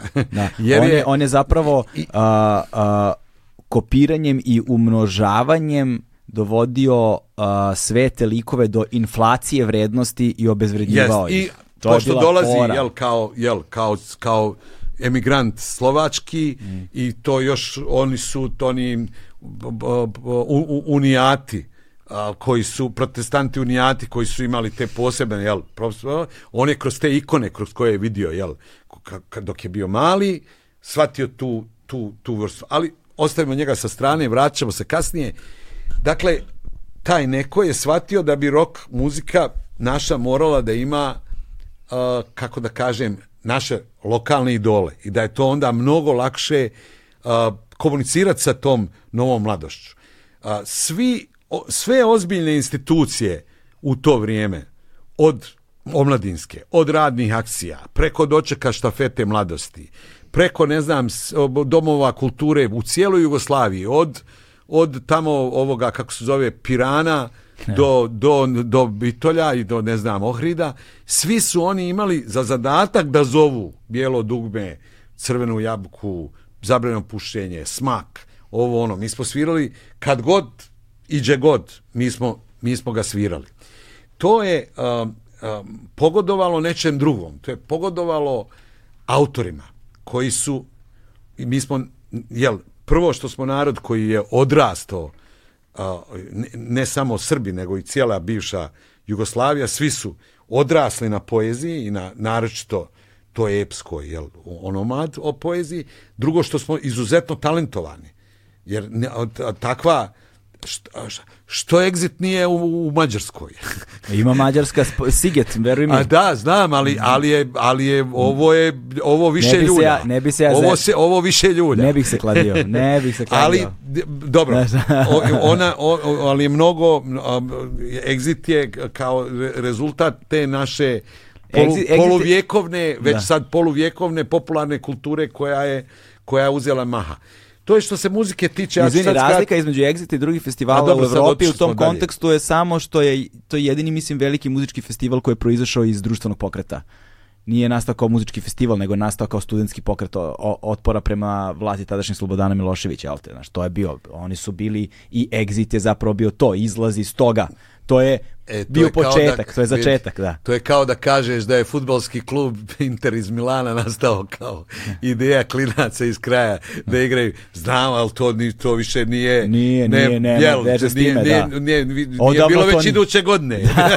već iduće godine. Da, da, da. Moralo je One- nekako nastati. nulti jel? je bio, da, onaj nulti, da.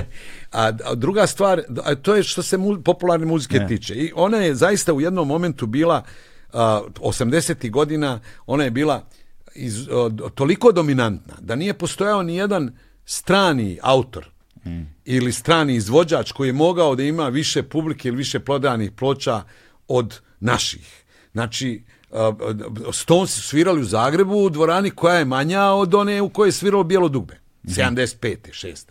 Nije važno. Kada smo mi izdali naš prvi album Das ist Walter 84. istovremeno u Jugoslaviji je izašao thriller Michaela Jacksona, najprodavanija ploča ikad. Mi smo prodali u Jugoslaviji više ploča od njega. Nas su bili zvali 87. 8. da idemo da sviramo napolju, nama se to nije isplatilo. da, bilo je potpuno besmisleno. Trebalo smo da sviramo neki festival u Amsterdamu, eto kao nema para, spavat ćete kod Draje, ovo ono, a mi punimo Čačak, Kragujevac, Karlovac, Virovitica, Da. Ogulin. Mislim, Istovremeno, recimo, Jelić iz U grupe je pričao kako je trebalo da snimaju, išli su u London da snimaju album i da su na snimanju bili... to su išli svi. To su išli svi, Pa da. da, ali kaže, ali, ali je zanimljiv podatak bio, to sam njega lično slušao kako govorio na nekoj muzičkoj konferenciji, kaže, otišli da snimaju album i dolaze tamo i shvatili su da uh, nazad u Beogradu imaju bolju opremu za snimanje. Pa da, imaju da. bolji studio i onda su se vratili nazad da snimaju. Jeste. Jer su imali bolju opremu. Prosto to Mi, je... ali mi nismo nikad, u tom smislu, mi nismo nikad oskudjevali Da. nama je trebala da, taj London se koristio radi reklame jel, on je bio znaš, Brega ode tamo pa fol nešto oni slušaju. Mislim, poslije toga je snimao ploče u, u, u radio Sarajevu pet puta bolje od, od ovih. Ali to je pitanje Marketing. te marketinga i tehnologije. A hoću da kažem da je, da je u tom momentu i samo tržište bilo toliko veliko i toliko moćno i toliko i da je, da je muzika bila toliko jaka i da mi još uvijek živimo na osnovu tog, tog plod- plod- plodova tog rada. Da se vratim na ovo što Stefan i ja radimo. A, a, sada je u suštini najpopularnije i, na, i sad si u najvećem trendu da sviraš onako kao što si svirao 80-ih. Kao što si svirao onomad. Jel? Ča- Čak i kad gledaš velike svjetske bendove, o- oni i dalje, oni nemaju više istraživanja. Kao što su imali poslije pete, šeste turneje Rolling Stonesa, ja sam ih gledao, ne znam, 90. u Beču, treba ti pet minuta da se skontaš da je to u stvari Jumping Jack Flash. Jer su oni istraživali, gledali nove zvuke, kako da to pripada. Poslije toga se vratili da sad, je, sad ga sviraju kao Da, da, da, kao da nije- nema razlike u zadnjih 50-60 godina.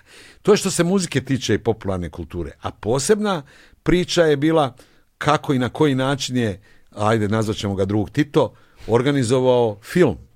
Jer to je isto spektakularno. Mi smo imali naj, kako da kažem, jedno naj, naj, najživljih filmskih tržišta ikad. A, od to, evo rekli smo samo 81. koliko se snimilo. To da se kao Bajagi to zabranjuje, a u stvari svo vrijeme, sni, svo vrijeme radiš i na crnom talasu i na, ne znam, paralelno sa crnim talasom ti imaš blockbustere, što se kaže, velike ratne spektakle, imaš alternativne filmove, imaš filmove koji su, ne znam, jedinstvena umjetnička vrijednost, a imaš Žikine dinastije.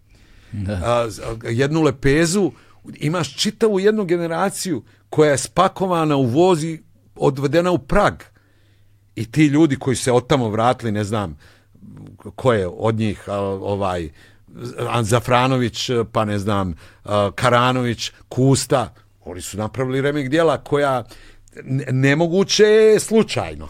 Da. Jer a, za razliku od, od rock muzike u kome ti trebaš samo da posiješ ovaj, kako se kaže, da posiješ a, sjeme i da im omogućiš djeci da sviraju, a ne kradu po ulici, film je već ozbiljnija zabava. Ti već Da. moraš tu da organizuješ i da opismeniš Logistika je te jeste da. i te, te direktore fotografija, producente koji su morali da budu majstori da bi se snimla neretva. Jel, to nije mala zajebancija, a bez kompjutera. Da. Tako da je uh, dva uslova, odnosno dva glavna čimbenika tog buma po, po, jugos, popularnosti, po, ju- jugoslovenske popularne kulture su utopijska slika koja je tad postojala na cijelom planetom i vrlo pametna i, i diskretna m, investicija tadašnje države u kulturu. Kulturni radnik u komunizmu, odnosno u socijalističkom samoupravljanju je bio ozbiljna faca. Danas je pjesnik. Pjesnik je bio bog. Znači, pjesnik je bio morao si da se kontroliše i da ga hapsiš. Znam sad da neko uhapsi pjesnika. Što? Pa kao ima neke stihove. Da. Tad se hapsilo. Zato što se znalo, zato što su komunisti, odnosno jel, socijalisti, kako se zvali, znali šta znači stih. Jer su odrasli na Majakovskom. Da. Danas je to bez, danas je pjesnik roba, kao i svaka druga. A pošto ni jedan pjesnik na svijetu ne može da bude tiražan, ta roba je onaj, jel, prilično mizerna. Da, danas su Ta neka- dva elementa su napravili ono što se zove jugoslovenska popularna kultura i ono što je preživjelo zemlju koje je nastalo i ono što je na kraju krajeva niko od nas nije mogao ni da sanja koliko će to dugo da traje. A kamoli da sad tu neku fikretu vežeš sa pahelbelom ili to pišanje žugu da vežeš sa bahom. To je do sad, to tad niko nije mogao da pretpostavi. Da, ali e, to je ono, kaže, ali džabe smo mi sejali ako zemlja nije bila plodna, znaš, s jedne strane, ali se ispostavilo i da za tu plodnu zemlju su opet potrebni potrebno je niz spoljašnjih faktora, jel te, nekakvih okolnosti koje su morale da se dese socioekonomskih, nazovimo ih različitih, i dobra volja uz te resurse koji postoje, da bi se kreirala klima koja bi onda dovela do tog trenja među ljudima koja stvara te kreativne, kreativne iskrene. Mi danas... Sad ću da ti kažem, evo znam, osnovna stvar je pandemija. Ta, to je ko- korona. Ne. Ta, ta rock muzika je bila pandemija. To nisi mogao džabati maska, džabati vakcina. Da, ne da. postoji. Ja sam u razdu imao četiri benda. Ja sam bio u tri benda. Da. Ovaj je bio u sedam bendova. To ne, uh, tu ni- nije, nema, nema, uh, kako da kaže, ne, ne radi ni država, ni, ni Bog otac. To je jednostavno ušlo i ne izlazi. E, i, a, I mediji, mediji su bili uštogljeni, nije tad bilo. Top lista nadrealista koju smo mi snimali uh, 84. godine je bila svojim konceptom avangardna za cijeli svijet. Govoriš o radijskoj emisiji. O televiziji. Da, televiziji. da, da, se, da se voditelj nagne u kameru, to nije imao ni, ni, ni CNN. To niko nije imao. To su ozbiljne, samo što to naravno mi tad nismo znali. Nama je to bilo normalno. Je čak kad gledate stare Monty Pythone, vi imate potpuno drugačiji odnos o, o- voditelja ili te, te vrste komunikacije od onoga neke, da. od distance osim onoga kad se ja okrećem kao "E, ma, šta me gledaš šta me gledaš Da. to je nije bilo to je bio kako da kažem revolucionaran moment u onome što je publika publika tad ovaj mogla mogla da vidi a zamisli pozorište naročito Beogradsko u, dva, u, u 80. godina, koje je bilo jedna vrsta bunta, jedna, jedno, kako kaže, pravo lice pobune, što kaže Johnny. Jedno zavjereničko jezgro koje se skupljalo u Zvezdari da gleda vješćenje Šarana, da gleda Radovana, koji svako malo rokne neku što, metro! što ga ovako ne kopamo. Mislim, to je jednostavno infekcija. Da, e, tako da, ali ti si tome, ti tome govoriš puno, ti zapravo i celokupan rock and roll i nazivaš u to vreme kao religijskim pokretom. U veliko, u, znači na više, na više mesta ga, ga, ga doslovno nazivaš tako. Ovaj, I sada, ali me zanima takođe um, način na koji bi ti onda oslikao taj, evo pominjao si i da te je, e, da, da si imao tu nužnost tog formalnog, e, delimično formalnog muzičkog obrazovanja na koje te majka terala, ti si išao na klavir, jel tako beše? Klavir, ali si kasnije tek postao zahvalan tome. Ali koji su bili tvoji zapravo prvi muzički uticaj i ono, ta, ta, ta, ta, ta pandemija kad je krenula, jel te, taj, taj talas Pa ja toga. ne znam da li sam šta, je- ja... šta, je- šta je bilo, šta je bilo prvo što si naleteo? Če- Jerry Lee Lewis. Postojala je jedna, jedna serija na televiziji dokumentarna koja se zvala All You Need Is Love, koja je govorila o nastanku rock muzike i koju su naši ovaj otkupili, američka je serija, koju su naši otkupili, pus- puštali na televiziji Jug- JRT-u, jedinoj televiziji koja je bila u cijeloj Jugoslaviji. To je recimo početak 70. godina, ja sam možda imao 9, 10, 11 godina i u, u okviru te emisije koja je bila negdje u neko bezvezno vrijeme šest popodne je kao početak rock muzike to 54. 5. 6. prikazan bio prikazan Jerry Lee Lewis i on je šamarao one svoje klavijature i pre, pjevao je ne znam Great Balls of Fire i ja sam kao klinac osjetio toliko uzbuđenje da sam mislio da ću uskočiti u onaj televizor da zajedno sa Jerryjem heklam po ono. I kad, poslije kad skontam to uzbuđenje je u stvari ono uzbuđenje koje ja tragam kad god izađem na koncert.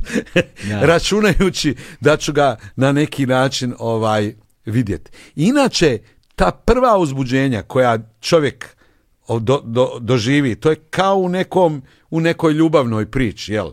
Onaj prvi kontakt kojeg ti imaš sa nekim koga voliš, on je ono, kako sjeća se prvog poljubca, to je neko, kako da kažem, uh, ne, uh, uh, neko mjerilo na osnovu čega svoj emotivni život mjeriš u budućnosti. Da. Ja sam imao neku vrstu tragedije da je prva ploča koju sam u, u životu stavio na gramofon, a bio sam recimo šesti, ne znam, sedmi, ploča el, ovoga e, uh, Jimmya Hendrixa i Electric Ladyland. Ja do dana današnjeg nisam čuo bolju ploču. Znači, sjebao sam se. Sjebao jer si moj sebi. cijeli jer nisam ni trebao. Moj sin je imao sličan problem. Prvi koncert na kom je on bio, bio je koncert grupe ACDC. Da, da, da. I sad, šta on, šta on dalje da gleda? Ko je ovaj na Partizanovom stadionu što je bio? Da, da, da. da. Još na Partizanovom stadionu, Da. on grobar. tako da, ta- to su, e, tako je bilo i sa tim, sa tim uh, Jerry Lee Lewisem, koji je, kako da kažem, jedna od najatraktivnijih uh, li- ličnosti Da. ali me zanima, znaš, ali zanima me takođe to tvoje putovanje, jer recimo poslušao sam i pogledao i pročitao tonu tvojih intervjua, ono, znaš, pripremajući se, jel te, za, za ovaj razgovor, iako sam znao da će to da ide u slobodnom stilu, ali prosto da imaš Ja, da- informacije, da znaš da- da ih imaš negde da ti, da ti stoje. I zanimljivo je kako neću da kažem svi, ali ogromna većina se zapravo ne bave toliko tvojim stvaralaštvom kad govorimo o muzici. Znači, kao pomene se konkretno, ne znam, a, zabrano pušenje, ali da bi se promenuo maršal, naš crko maršal, da bi se pomenuo problem sa maršala, A, ali ne da bi se jeste. govorilo o samom albumu, ne da bi se govorilo o tom eklektičnom zvuku tog trenutka koji ste vi stvarali u jednom vrlo specifičnom ambijentu i onime što ste vi doneli sa, tako, sa tim novim primitivizmom, ali pre nego što je to bilo novi primitivizam kao novi primitivizam, znaš. Ovaj, A i- znaš zašto je to tako? To ti je, uh, ti živiš u određenom u određenom vremenu i prostoru. I to kad, kada imaš takvu jednu neartikulisanu i neodgovornu karijeru poput moje, ti ćeš da lupiš glavom u zid. A taj zid je nekad mnogo važniji od onoga što ti pjevaš. Da.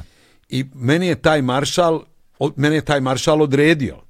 Ali to nije da sam ja udario na nekog manje od, od druga Tita, niko se toga ne bi sjećao. Da.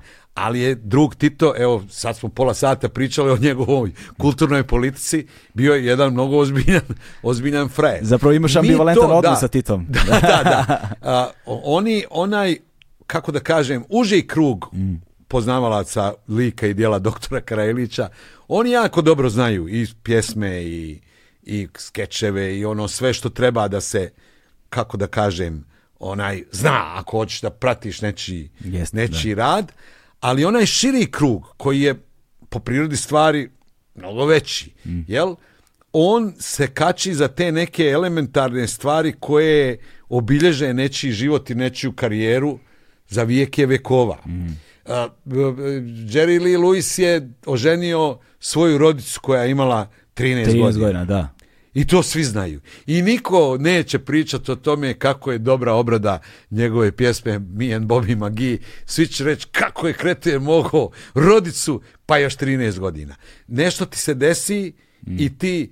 I Lennon je imao problem što je u jednom momentu rekao da su, da su Beatlesi popularniji od Hrista.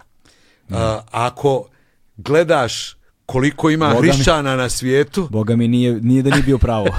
pa ako gledaš koliko ima hrišćana na svijetu, a koliko je ljudi na svijetu slušalo Beatlese, Jel imaš najdraži album Beatlesa? o, o, o, najdraži album Beatles. pa bijeli. Pa da, White Album, Ja, ja, naravno, to, naravno. Bila je, izašla je, kad je izašao u, u, u, u Jugoslaviji bijeli album, izašla je recenzija u, u, u, u Jukeboxu, uh, re, recenzija je imala samo jednu rečenicu, izašao je. I on se, on se poklopio sa, izlazak bijelog albuma se poklopio sa sa ubistvom Lenona, to je bilo, ako je ovo izašlo 79, to je išlo što 80 i to. E, da, e sad vidiš, Tako da te, te uh, i, uh, kako da kažem, te društvene, ne, to ne može da, da potakne nekoga ko ima ono čistu karijeru i ko se u svom životu isključivo bavi umjetnošću za koju je nadaren. Da. A, ja nisam nadaren za umjetnost. Ja sam, meni je rock muzika i top lista nadrealista bila sredstvo da kažem ono, da kažem na koji način mi možemo da promijenimo svijet. I nažalost ja sam u neku ruku uspio, jer živio sam i radio u jednom društvenom sistemu i taj društveni sistem je pao. I prešao u drugi društveni sistem. Ja sam sigurno jedan od onih šupaka što je krenuo, Da. što je ono iz, izbacio iz, iz ležišta Polugu. socijalističko samoupravljanje. Da. Znaš, a opet ako se, ako se baviš muzikom a, samo kao muzikom i ako si, kako da kažem, zatvoren u tom svom savršenom svijetu, ajde, od mojih kolega koliko hoćeš ima takvi, Bajaga na primjer, Mm. jel, on je, on se nikad ne ofira, nikad on ima svoj svijet i oko njega kineski zid. Onaj, onda on ne može da, prirodno je da ne može da, da ima, da, Mm. ali, ali recimo neko je od naših, od mojih kolega, neko je tražio đavla.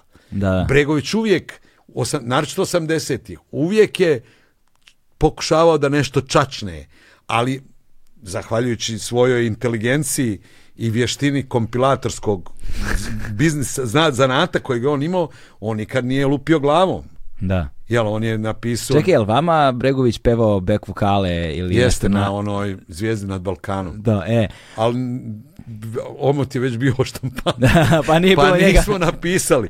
Da, inače bi ja volio da, naravno bi volio da sam... Da sam Ovaj, e sad, po, posljedica toga jeste da zapravo do, do, do tvoje knjige prozor sa pogledom na tvoj razvojni put kao autora u muzičkom kontekstu, dakle pronalaženje tog autentičnog glasa a, Neleta Karajlića, dakle onoga kako je to zvučalo na albumu, jer ti možeš jedan tekst da daš trojici različitih autora i da imaš sa istim tekstom tri potpuno različite tri različita pevača Da, i da imaš da. tri da imaš tri potpuno da da imaš da imaš neku ne- neku patetičnu stvar koja te- o- ide, ide u težak sentiment koji ono od kog ti se baca od kog ti se baca pegla, od kog ti se povraća do nečega što zvuči genijalno. Na primjer, ne znam, baladu o pišanju i žugi da si dao da peva, ne znam, nekom šlagiru, na što bi to ličilo. E, pa sad ću ti ja ispričat.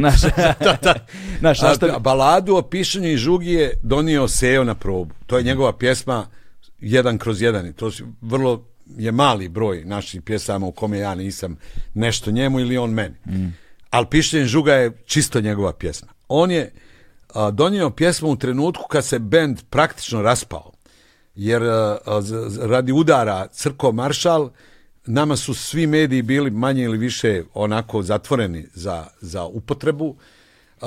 Album Čekaj, vi ste prvi zapravo primer uh, kulture, cancel culture, ono, kulture ukidanja. A, Vi mi ste smo ti vi ste ke- simbol toga. Vi ste prvi On bi, mi smo brisani, lju- ljudi su dobijali otkaze što su puštali na- nas greškom. To je, to je nama su je mi, uh, bi, uh, uh, Aj samo- aj samo, televizija izvini. Sarajevo, sad ću prvo ovo da... Ka, Sa, ne, samo za, ljude, samo za ljude koji ne znaju o čemu se radi. Samo Ajde, kratko ajde. da pomenemo šta je, šta, šta znači, šta je bilo Crko Maršal. dakle, od, od, od 84. mi postajemo je- velika globalna jugoslovenska rock atrakcija. Te godine smo, dobijemo čak i neku nagradu, najbolji rock band, ovo ono, međutim, negdje pred kraj godine, ja na jednom koncertu u Rijeci, navodno, kažem Crkona Maršal, što je uh, bio titula Josipa Broza Tita. Kako je on umro samo četiri godine ranije, to je bilo još svježe. I ali, počinje ali je jedna Maršal istovremeno i gitarsko pojačalo. a Maršal je gitarsko pojačalo. to zaboravio. I nakon toga skreće jedna opšta medijska halabuka od Makedonije do Slovenije koja nas satanizuje i kojoj mi praktično ovaj u toj galami mi izdajemo drugi album dok čekaš sabah sa šeitanom koji se urušava jer jednostavno ne postoji sredstvo komunikacije koje može da dođe do ovoga. A ta do publike.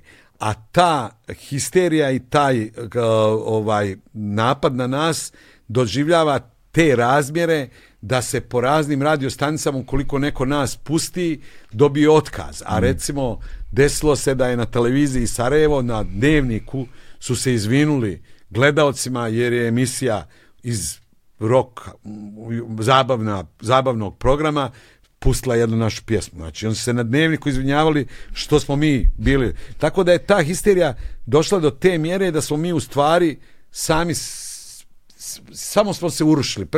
Nismo mogli vi- više nigdje da sv- sviramo i ono što su nas zvali da sviramo, to su bili neki Slovakovci, Rokovci, Tenja, Sela po Slavoniji, sela po Slavoniji, jer tu smo mogli da prođemo ispod radara. U, toj, u takvom jednom ambijentu, jedan dio benda, a, njih trojica, Šeki, Mu- Munja i, i Muče, koji žive od muzike, oni jednostavno nisu mogli da izdrže nesviranje, za razliku od moga brata Draleta, Seje, Gaje i mene, koji smo studenti bili. Jebali mi se, mislim, neću, neću svirat, bit ću, nastavit ću svoj posao. I u tom, u tom trenutku mi ipak odlučujemo da snimimo novi album i počinjemo jedan po jedan da donosimo na probe nove pjesme. I Sejo je donio pjesmu koja se zvala Balada o pišnji žugi. Njih dvojica su klinci s Koševa koji su ukrali autobus. I A to su zapravo Taj- stvarni likovi stvarni iz likovi, kraja, da. Iz, sa Koševa koji su ne znam, prešli 100 metara i, i- i nisu ga više znali upaliti. E, a on kad je odsvirao tu pjesmu, a to je izgledalo sa svim istim riječima, istom melodijom, isto ovom, to je izgledalo kao prehlađeni Balašević, koji nije, koji, jednostavno mlako. Ali ja imam, i onda sam imao i sad tu uh, talenat za, za, za, što Nole kaže, vizualizaciju. Da, da. Da, da znam kako to tek treba da izgleda i ja kažem da je stvar genijalna, ali muče i mislim da je bio Mitke, basista i gitarista, kažu ovo ništa ne valja i iskoriste taj moment da napuste bend. Jer kao evo, sad više, dobro je što su nas za- zabranjivali, a sad više nemamo ni dobru muziku. Da, da, da. I oni su otišli, ali ono što je bilo najvažnije za Pišnju žugu je bilo to da sam da sam i ja otpjevao i da smo onda kroz aranžmanski pristup pobjegli od Balaševića prema Springsteenu i dobili nešto što je zaista evo remek djelo. Pa da. To je već s druge strane isto 40 tako, isto tako kada, znaš, čuješ 35. isto tako kada Gilmore uzme gitaru, jebi ga čuješ Gilmora. Znači isto tako kada uzme Miles Davis trubu, Čuješ Miles on, Davis. on, ima, on imao tu moć da suspenduje jedan ton i da ga drži i da se ti raspadneš. Da, da, da. Znaš, to je- Da, da. da. To, to je ta moć... Pa e sad, sad, mene, rock muzika ide u tom smjeru. Da. Um, pjesme i, i, i pjesme velikih rock bendova Mm. Pink Floyd zabranjeno pušenje to ne, Skromno, mogu da, skromno. ne mogu da umru ali mogu da umru ljudi koji su te pjesme napravili i sada ćemo imati sve više i više tih cover bendova koji će praviti, jel, koji će svirati te pjesme kao da su prave. Pink Floyd već ima, ja mislim, dvije ili tri neke verzije koje su dobile atest Da, da, da. to rade i vrlo vjerovatno će to postati od- određeni trend Dakle, um, gde sam sad stao, dođe. Da, dakle, ono što, me, ono, što, ono što me strašno zabolelo, dakle, meni, meni koji sam, ono, prevaskodno ljubitelj muzike, znaš, i recimo, ja sam dete koje je 89. godine sam krenuo u školu, ja sam bio posljednja generacija pionira, polago pionirsku zakletu, sledeće godine toga više nije bilo. Znaš, da, u tim godinama, osma, deveta godina, stvarnost se menja, sve se menja, ono, znaš, sve, svi sve znamo, ne moramo da sada se bavimo time, ali u toj jednoj sumornoj stvarnosti koja je došla, muzika iz tih, kako ih nazivaju popularno zlatne 80. sa, sa, sa mnom prevashodno i mojom generacijom masovno nije komunicirala prosto nije komunicirala. Posebno što sam ja odrastao u, u domaćinstvu u kojem ono što je bio mainstream i što se godinama i generacijski nasleđivalo kao muzika, ja to u kući nisam imao, pa se nis- na tom nivou nisam povezivao. I onda ja nekako, znaš, kada ne znam, pevaju ovi, sa dužnim poštovanjem, naravno, poštujem električni orgazam i sve, znaš, ali recimo pe, Zlatni papagaj ili ne znam, znaš, kada Azra peva nešto, meni to nije, Dobro, ja, nije, me, nije me doticalo, ja kao razumem sve, super, ljudi ono lude od toga, ali mene nekako to nije dodirivalo, dok se recimo nisu pojavile te ono rap grupe, na primer, sredinom Ja, početkom dobro. 90-ih, koje su bile sa tekstima ono da li osjećaš bes, da brate, osjećam bes, znači Da, to je da. bila muzika koja je korespondirala Vidiš sa time. kako svako vrijeme ima Da, svoju... ali muzika koja jeste korespondirala sa mnom iz tog vremena su ono prvi albumi zabranog pušenja. Jer bilo je nečega tu, znaš, bilo je Nismo bili, sad ću ti, sad ću ti objasniti. A, a, Jugoslavija ti je bila, kako da kažem, a, obasuta, ne, kako bi, zapljusnuta talasom a, pa- zapadne popularne kulture. A, rock muzika je bila na neki način najlakše i najbrže sredstvo da što prije osjetimo taj jedinstveni osjećaj, da smo mi što da, da na što brži i što lakši način postanemo ono što se kaže dio svijeta. Da. I u toj trci kako da se napravi to nešto, o, ta vrsta imitacije onog što dolazi izvana je bila osnovna stvar. I svaki bend je uvijek imao nekog svog idola izvana i uvijek su htjeli da sviraju nešto, nešto I, slično. I ta prepevavanja su me nervirala jest. strašno. Da. Pa prepjevavanja su bila prvi korak. Prva autorska neko će me ispraviti ako nisam onaj u pravu, ali prve autorske pjesme su tek 67. Već su dotad je sajam prepun o, o mla- mladosti. Ali mislim da su indeksi, ne znam, Drago Mlinarec bili prvi koji su je, da, napravili neke dvije autorske pjesme. I to je bila ja- jako važan trenutak, jer to je otvorilo potpuno novu priču. E ti bendovi su umjeli, e sad ako imaš ozbiljne muzičare, kao što su recimo imali, kao što su bili indeksi, onda uh, njihovi autori, Boda, koji je već tamo radio, Fadil, njihovi autori umiju da tu, to kopiranje prevaziću. Pa onda indeksi svojim zvukom zaista postanu autentičan jugoslovenski simfo rock band koji nije isti kao, ne znam, Emerson, Lake and Palmer ili Genesis ili ne znam šta. Iako su oni imali svoje uzore, sigurno. A, da, ne znam, talenat ovoga točka je toliki da on da i da je htio da imitira on je svojim talentom prebo i kleptona što se mene tiče jer je to umio jer je znao. A, najveći naj najozbiljniji majstor je i dan danas gospodin Bregović koji je umio da sve te zapadne kako da kažem manire, folove i muzičke i vizualne jer on je prvi Bijelo dugme je prvi bend koji je konceptualno osmišljen. Ovo sve ostalo je bilo dođemo na slikanje ja i ti pa kako smo obučeni a oni su prvi put bili, jel, bend koji izgleda kao pravi bend, što je bilo jako važno i za bijelo dugme i za istoriju jugoslovenske kulture. On je svojim imitacijom uspio da napravi nešto više od te imitacije do te mjere da i oni koji ga, koje je on imitirao danas njega uzimaju Da. kao relevantan faktor. Novi talas nije imao vremena i nije imao uh, toliko talentovane, kako da kažem, autore koji su mogli da budu ovaj drugačiji, ozbiljniji i da imaju veći otklon prema od svojih idola sa zapada.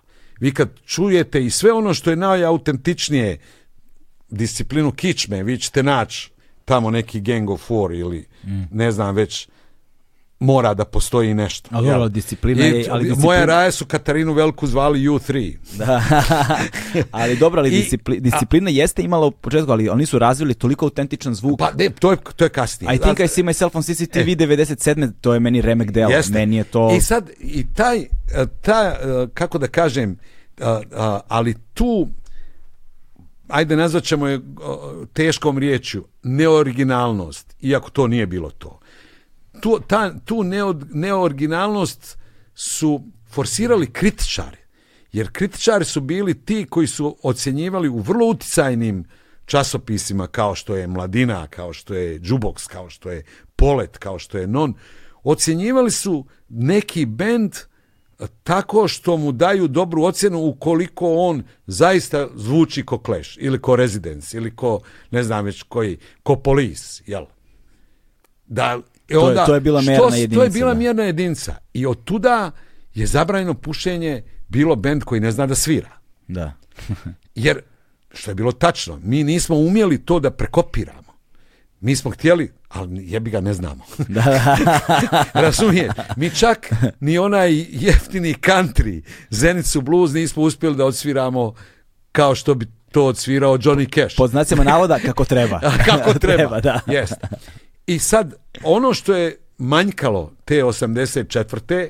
da mi izdamo svoj prvi album u kome nas Valtera. kritika, da, Walter Bran, Bran, uh, Das ist Walter. Das ist Walter, u kome nas kritika pohvali, ali napomene sve svoje čitaoce da je to bend koji ne zna da svira, taj hendikep u 84.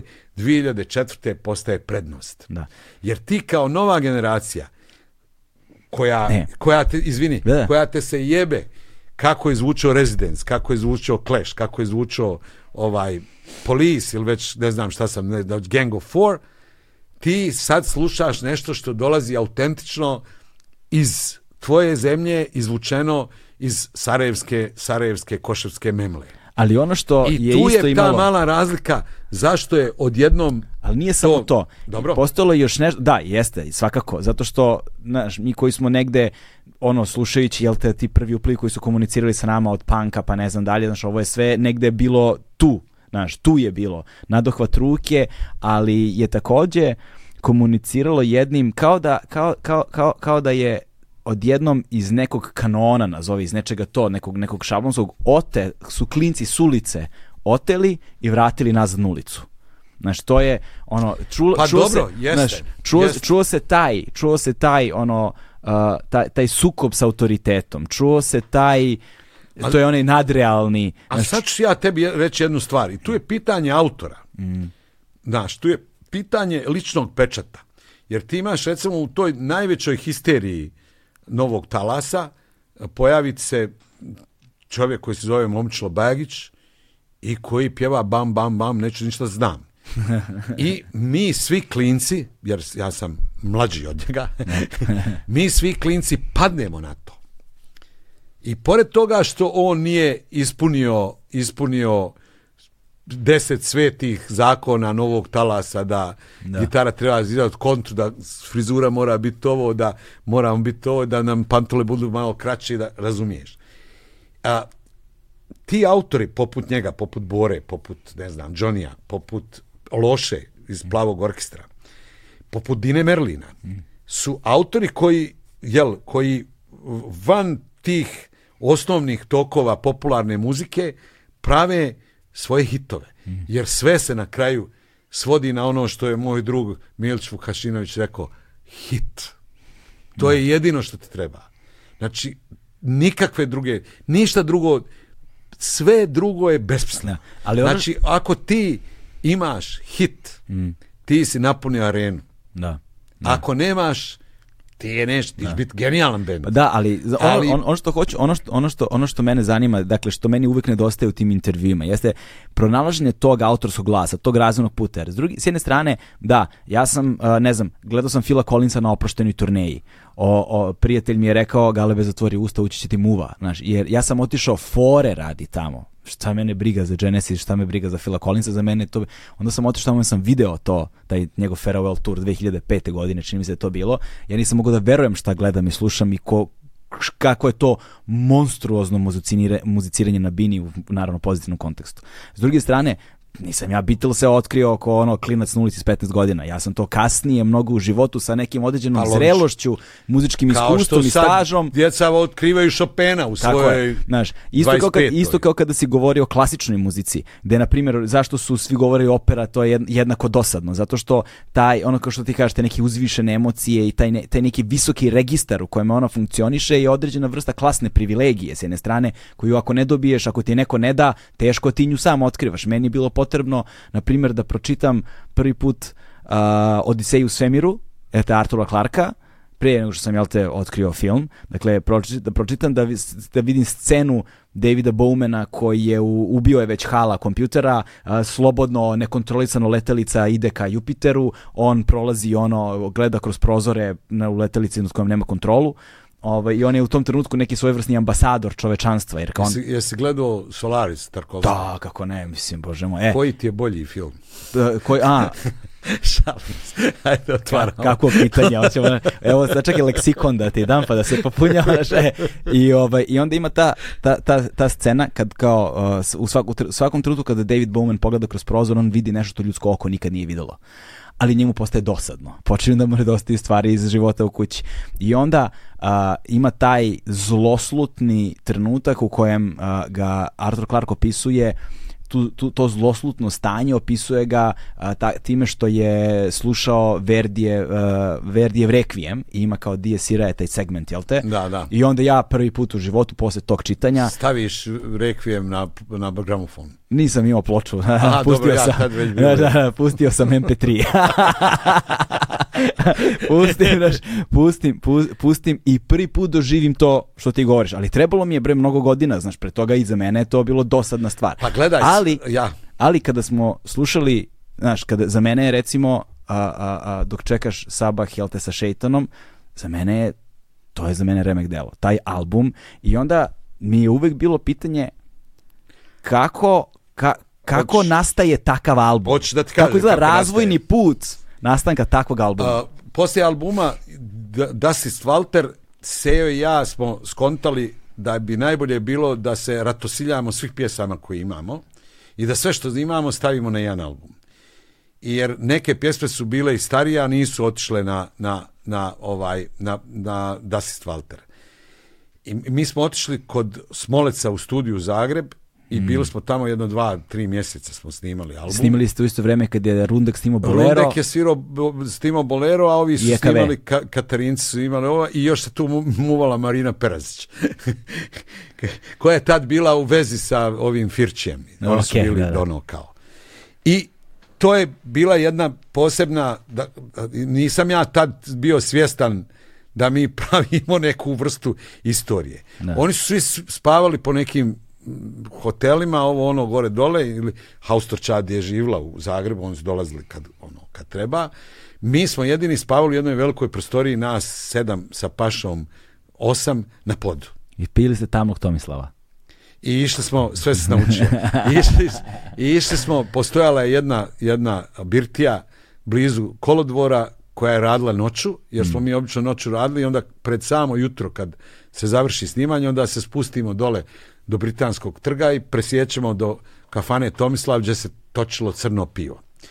I onda obeznanjeni pivom vraćali smo se kući u 9 ujutru, 8 ujutru, polijegali svi po tim po podu, jer smo svi spavali, to je bio zakon grupe zabranjeno pušenje, svi moramo zajedno i svi moramo biti na podu, dva mjeseca, i kako legneš da spavaš, tako čuješ tu, tu, tu, počinju Hauserčad da miksaju svoje pjesme. I to je, to je ambijent u kome je nastao Sabah, ali to nije tajna kvaliteta te ploče. Tajna kvaliteta je prije svega u pjesmama koje su uspjele da prežive sve ove godine, a to će sad biti skoro 40 godina. Jebote, da. I to je tajna u tome što je postojala neka alhemija unutar nas sedmorice da se to tako napravi. Mi čak nismo za razliku od ovih velikih ozbiljnih bendova, ne samo svjetskih nego i naših, mi čak nismo imali ni dobru produkciju. Nama je Mahmut Ferović Paša bio producent koji nije bio, koji je bio naš drugar, nije bio majstor kakav je, ne znam, bio sam Smolec koji je tad i, i bio vlasnik tog studija ili ne znam, još par tih ljudi koji su dolazili na snimanja. Svi su oni bili bolji od Paše, ali to da se snimalo bolje možda ne bi imalo tu taj kvalitet. Ali ono što- Oni su dolazili, stalno je dolazila ekipa tu dolazio nam i Arsen Dedić, recimo, on je se pojavljivao u ovaj na snimanju, onda Hus je bio, o, ju, o, Pađen, pa ne znam ko je još bio, mislim čak i da je Houra dolazio, s njim, s njim sam imao jednu ludo, ludo, ludo, ovaj, ludu pijansku noć sa Malnarom i s njim, pošto smo me vodili kroz Dubravu, Dubrava je taj dio grada Zagreba u kome je Znam, znam. na, to. I dolazio je kad je snimao jedno vrijeme, kad je produ- p- prezentovao ovoga uh, oca na službenom putu dolazio je Kusta sa Mikijem i sa Mirom i sa, još je bilo tu raj. Mi, mi smo bili bend koji je privlačio ljude, koji je, kad kreneš u grad, svrat kod paše u studio, tamo su ovi ispušenja. Bilo I to je podrazumijevalo. Jeste, i to se, mi smo imali tu vrstu komunikacije i od to nam je, to nas je pratilo do kraja života, uvijek nikad, eh, nikad kuća nije prazna, uvijek je bio neko od raje koji nas je onako ili pomagao ili slušao ili, ili, ili pio. To Da, je bilo. da. Droge je bilo manje. 80. su to ipak, da. Pa ne, bilo je, ovi su drugi eh, ga- radili na tome više, ali mi nikad nismo. Jednostavno, klipača ona hladna je bila sasvim dovoljna. da, ali ono što je i sad to je to je to je ta tačka koja me kao stalno sta- stalno stalno bola u svim tim intervjuima. Svi bi da pričaju o Marshallu, ali niko ne bi da priča o tome kako je nastajao album koji je izašao nakon incidenta sa Marshallom i kako je ta muzička industrija u tom trenutku i e, zanimljivo mi je, želim da znam kako je funkcionisao taj deo zato što vi ste u tom jednom takvom mraku, tom ukidanju zabranog pušenja Cancel nakon, na cancel culture, Cancel dakle na, nakon, nakon, nakon cancelovanja zabranjenog pušenja ovaj, vama je Jugoton dao ugovor. Vama je Jugoton Jeste, objavio ali album. to, ja mislim da je tu, da je tu prije svega bila odluka Sinše Škarice. On je bio taj koji je na neki način... Kako, je, kako je to izgledalo? Pa jebi ga, mi to nismo shvatali. Ja razumiješ, ja sam sve konto da je to neka velika zajebancija da će nas pustiti. Da mi uradimo, da, da se ponovo vratimo u onaj, kako Kol- se zove... Koliko dugo ste vi imali album pre nego što se Siniša pojavio? Pa ne, mi smo bili, mi smo bili hit hitova. To je bilo, nije Jugoton bio, kako da kažem, mi smo zabranjena roba je najzanimljivija roba. Je, znači, da. nisu oni bili u Ali, to, fazonu. ali imali su sluha i da ko- kontra ono tom socijalističkom samoupravljanju kao kažu ajmo. Ja, pa da, ali nije njih, pazi, to je 84. i to je već puca. Nije Da. to 74. Da, da, da. 74. ja bi završio u zatvoru. Da, da. I 81. bi završio u zatvoru. Ali 84. je već malo pucanje pod jednom, a pod dva tržište je već bilo dovoljno bogato i razvijeno da neki ozbiljan major shvati da im a za, da zabranjena roba može da bude Mm. jebi ga vrlo unosna. Problem je bio što je to bio dupli album. Pa je, a još oporezovan. Mm. Jer svi naši albumi su oporezovani, uvijek su skuplji od ostalih, zato što imaju tu onu etiketu šunda. Jer nije bilo formalno cenzure, ali je suštinski to odvraćalo publiku, mogao si tri bajage kupiti za jedan naš album. da, da. A tako je bilo. A, a Škarica, koji je bio glavni urednik, on je imao taj upo- tu upornost da nas gurne, da mi stvarno snimimo i taj album. Iako je on bio i koliko se sjećam i on je bio i nije bio da bude dupli, ali je bio u fazonu kao ako vi hoćete da to bude tako, nek bude tako. Ali nije, kako da ti kažem, ja sam imao bolan 21 godinu, Da. 22. Razumiješ, meni to meni je to bilo sve svakako privremeno. Znaš, ja ni, ništa od toga ni, e, niko od nas nije gledao u daleku budućnost u kome ćemo mi sad napraviti album, pa poslije toga živi album, pa, pa jebalo nas. Mi smo htjeli da napišemo pjesmu o čovjeku koji, je, koji se zvao Asif Ferhatović, da napišemo o djevojčicama kojima mirše koža, da napišemo pjesmu o, o harmonikašu Ibri Dirki. To nam je bio cilj. Da. I zato je to dobro. Jer da je bio cilj da zaradimo pare s tim, s tim Da. ne I, bi I čekanje zaradili. Sabaha sa Šeitanom u Tomislavu. U Tomislavu, da, da, da. On je kao neko naše mje. E sad, šta je tu? Tu je sad politički ambijent se br- vrlo brzo mijenjao. A, kako se kao, naš pro- pro- proces sudski proces se vodi u Hrvatskoj jer je delikt e, napravljen u, u Rijeci. da. Ali u Hrvatskoj dolazi Delikt, do, do, da. do, do pro- promjene do promjene ovaj na, na vrhu centralnog komiteta Saveza komunista Hrvatske i dolaze nove mlade snage koje mene koriste kao dokaz da je ova stara garda koja treba da napusti mjesto centralnog komiteta nema sluha za demokratizaciju koja je neophodna za slobodu misli, slobodu govora, tako da taj moj, to, ta, ta moja tužba koju sam ja dobio, koja mi je garantovala jedno 10 godina zatvora jer sam uvrijedio, uh, po, poveo na bunt, uh, uh, spremao masovni a, teroristički napad, to je odjednom reteriralo na verbalni delikt i na nešto za šta, za šta sam bio kažnjen, na primjer, 100 maraka. I ta, te, ti mjeseci su bili ključni, to ja sad vidim. Ja tad to nisam shvatio. Kad je došla ta nova garnitura, ukinula staru, mene su polako počeli da puštaju prvo po tim alternativnim omladinskim časopisima koji su tad bili najčitaniji, kao što je Mladina, kao što je ovaj a, Polet i u Beogradu je bio Non i naši dani u Sarajevu i onda se to nekako izmigolilo, ali je bend morao da bude izbačen iz velikih dvorana. Da. I tek sa kustom, 87. jel? Da. Mi se ponovo vraćamo na naslovne strane, ali nikad nismo mogli da imamo pune dvorane kao što smo imali posle Zenice bluza. Jer, Ispravim- smo, jer smo imali hit. Da, jeste. Pa da, na kraju dana stvarno mora taj hit, da postoji. da. E, molim te mi reci, da li je na albumu ono Kurt Vonnegut? Mislim, Jeste, ja imam, ja, ja, ja. ja, Ja, ko jeste. je stavio Kurta Vonnegata i kako Pa, i zašto Kurt Ja, Vonnegut? ta, ta pjesma je, smo radili Poka ja. Pokina je muzika, a ja sam uzeo Kurtove riječi, bože kako se zvala knjiga, Koljevka Ma- za macu. Da, koljevka Koljevka za, macu. da. I napravio sam tu malu, nije to original Kurt Vonnegut, ali napravio sam neku premetačinu riječi, ja imam banju, ali ona nije potpuna, ali ne znam kako ide original. Ja imam kuhinju. Kurt Vonnegut je bio jedan od tih pisaca kojega, kojeg smo, koga smo mi volili, koji je bio ono redovan, koji je bio u stalaži ove nas petorce iz Da. Južne Afrike, Rusije, svi su čitali Kurta Vonnegut. Pa da. E sad, i uh, taj talas tog no- novog primitivizma, uh, koliko ste ga vi razumeli u tom trenutku tada kada ste stvarali? Pa mi da smo razumjeli novi primitivizam, mi bi sad bili u stalnoj postavci State Gallery. Da, mi smo imali pet puta bolji koncept od bilo kog drugog koncepta, ali mi, ali mi to nismo shvatali. Mi nismo imali ljude okolo. Sarajevo tad nije imalo kameru.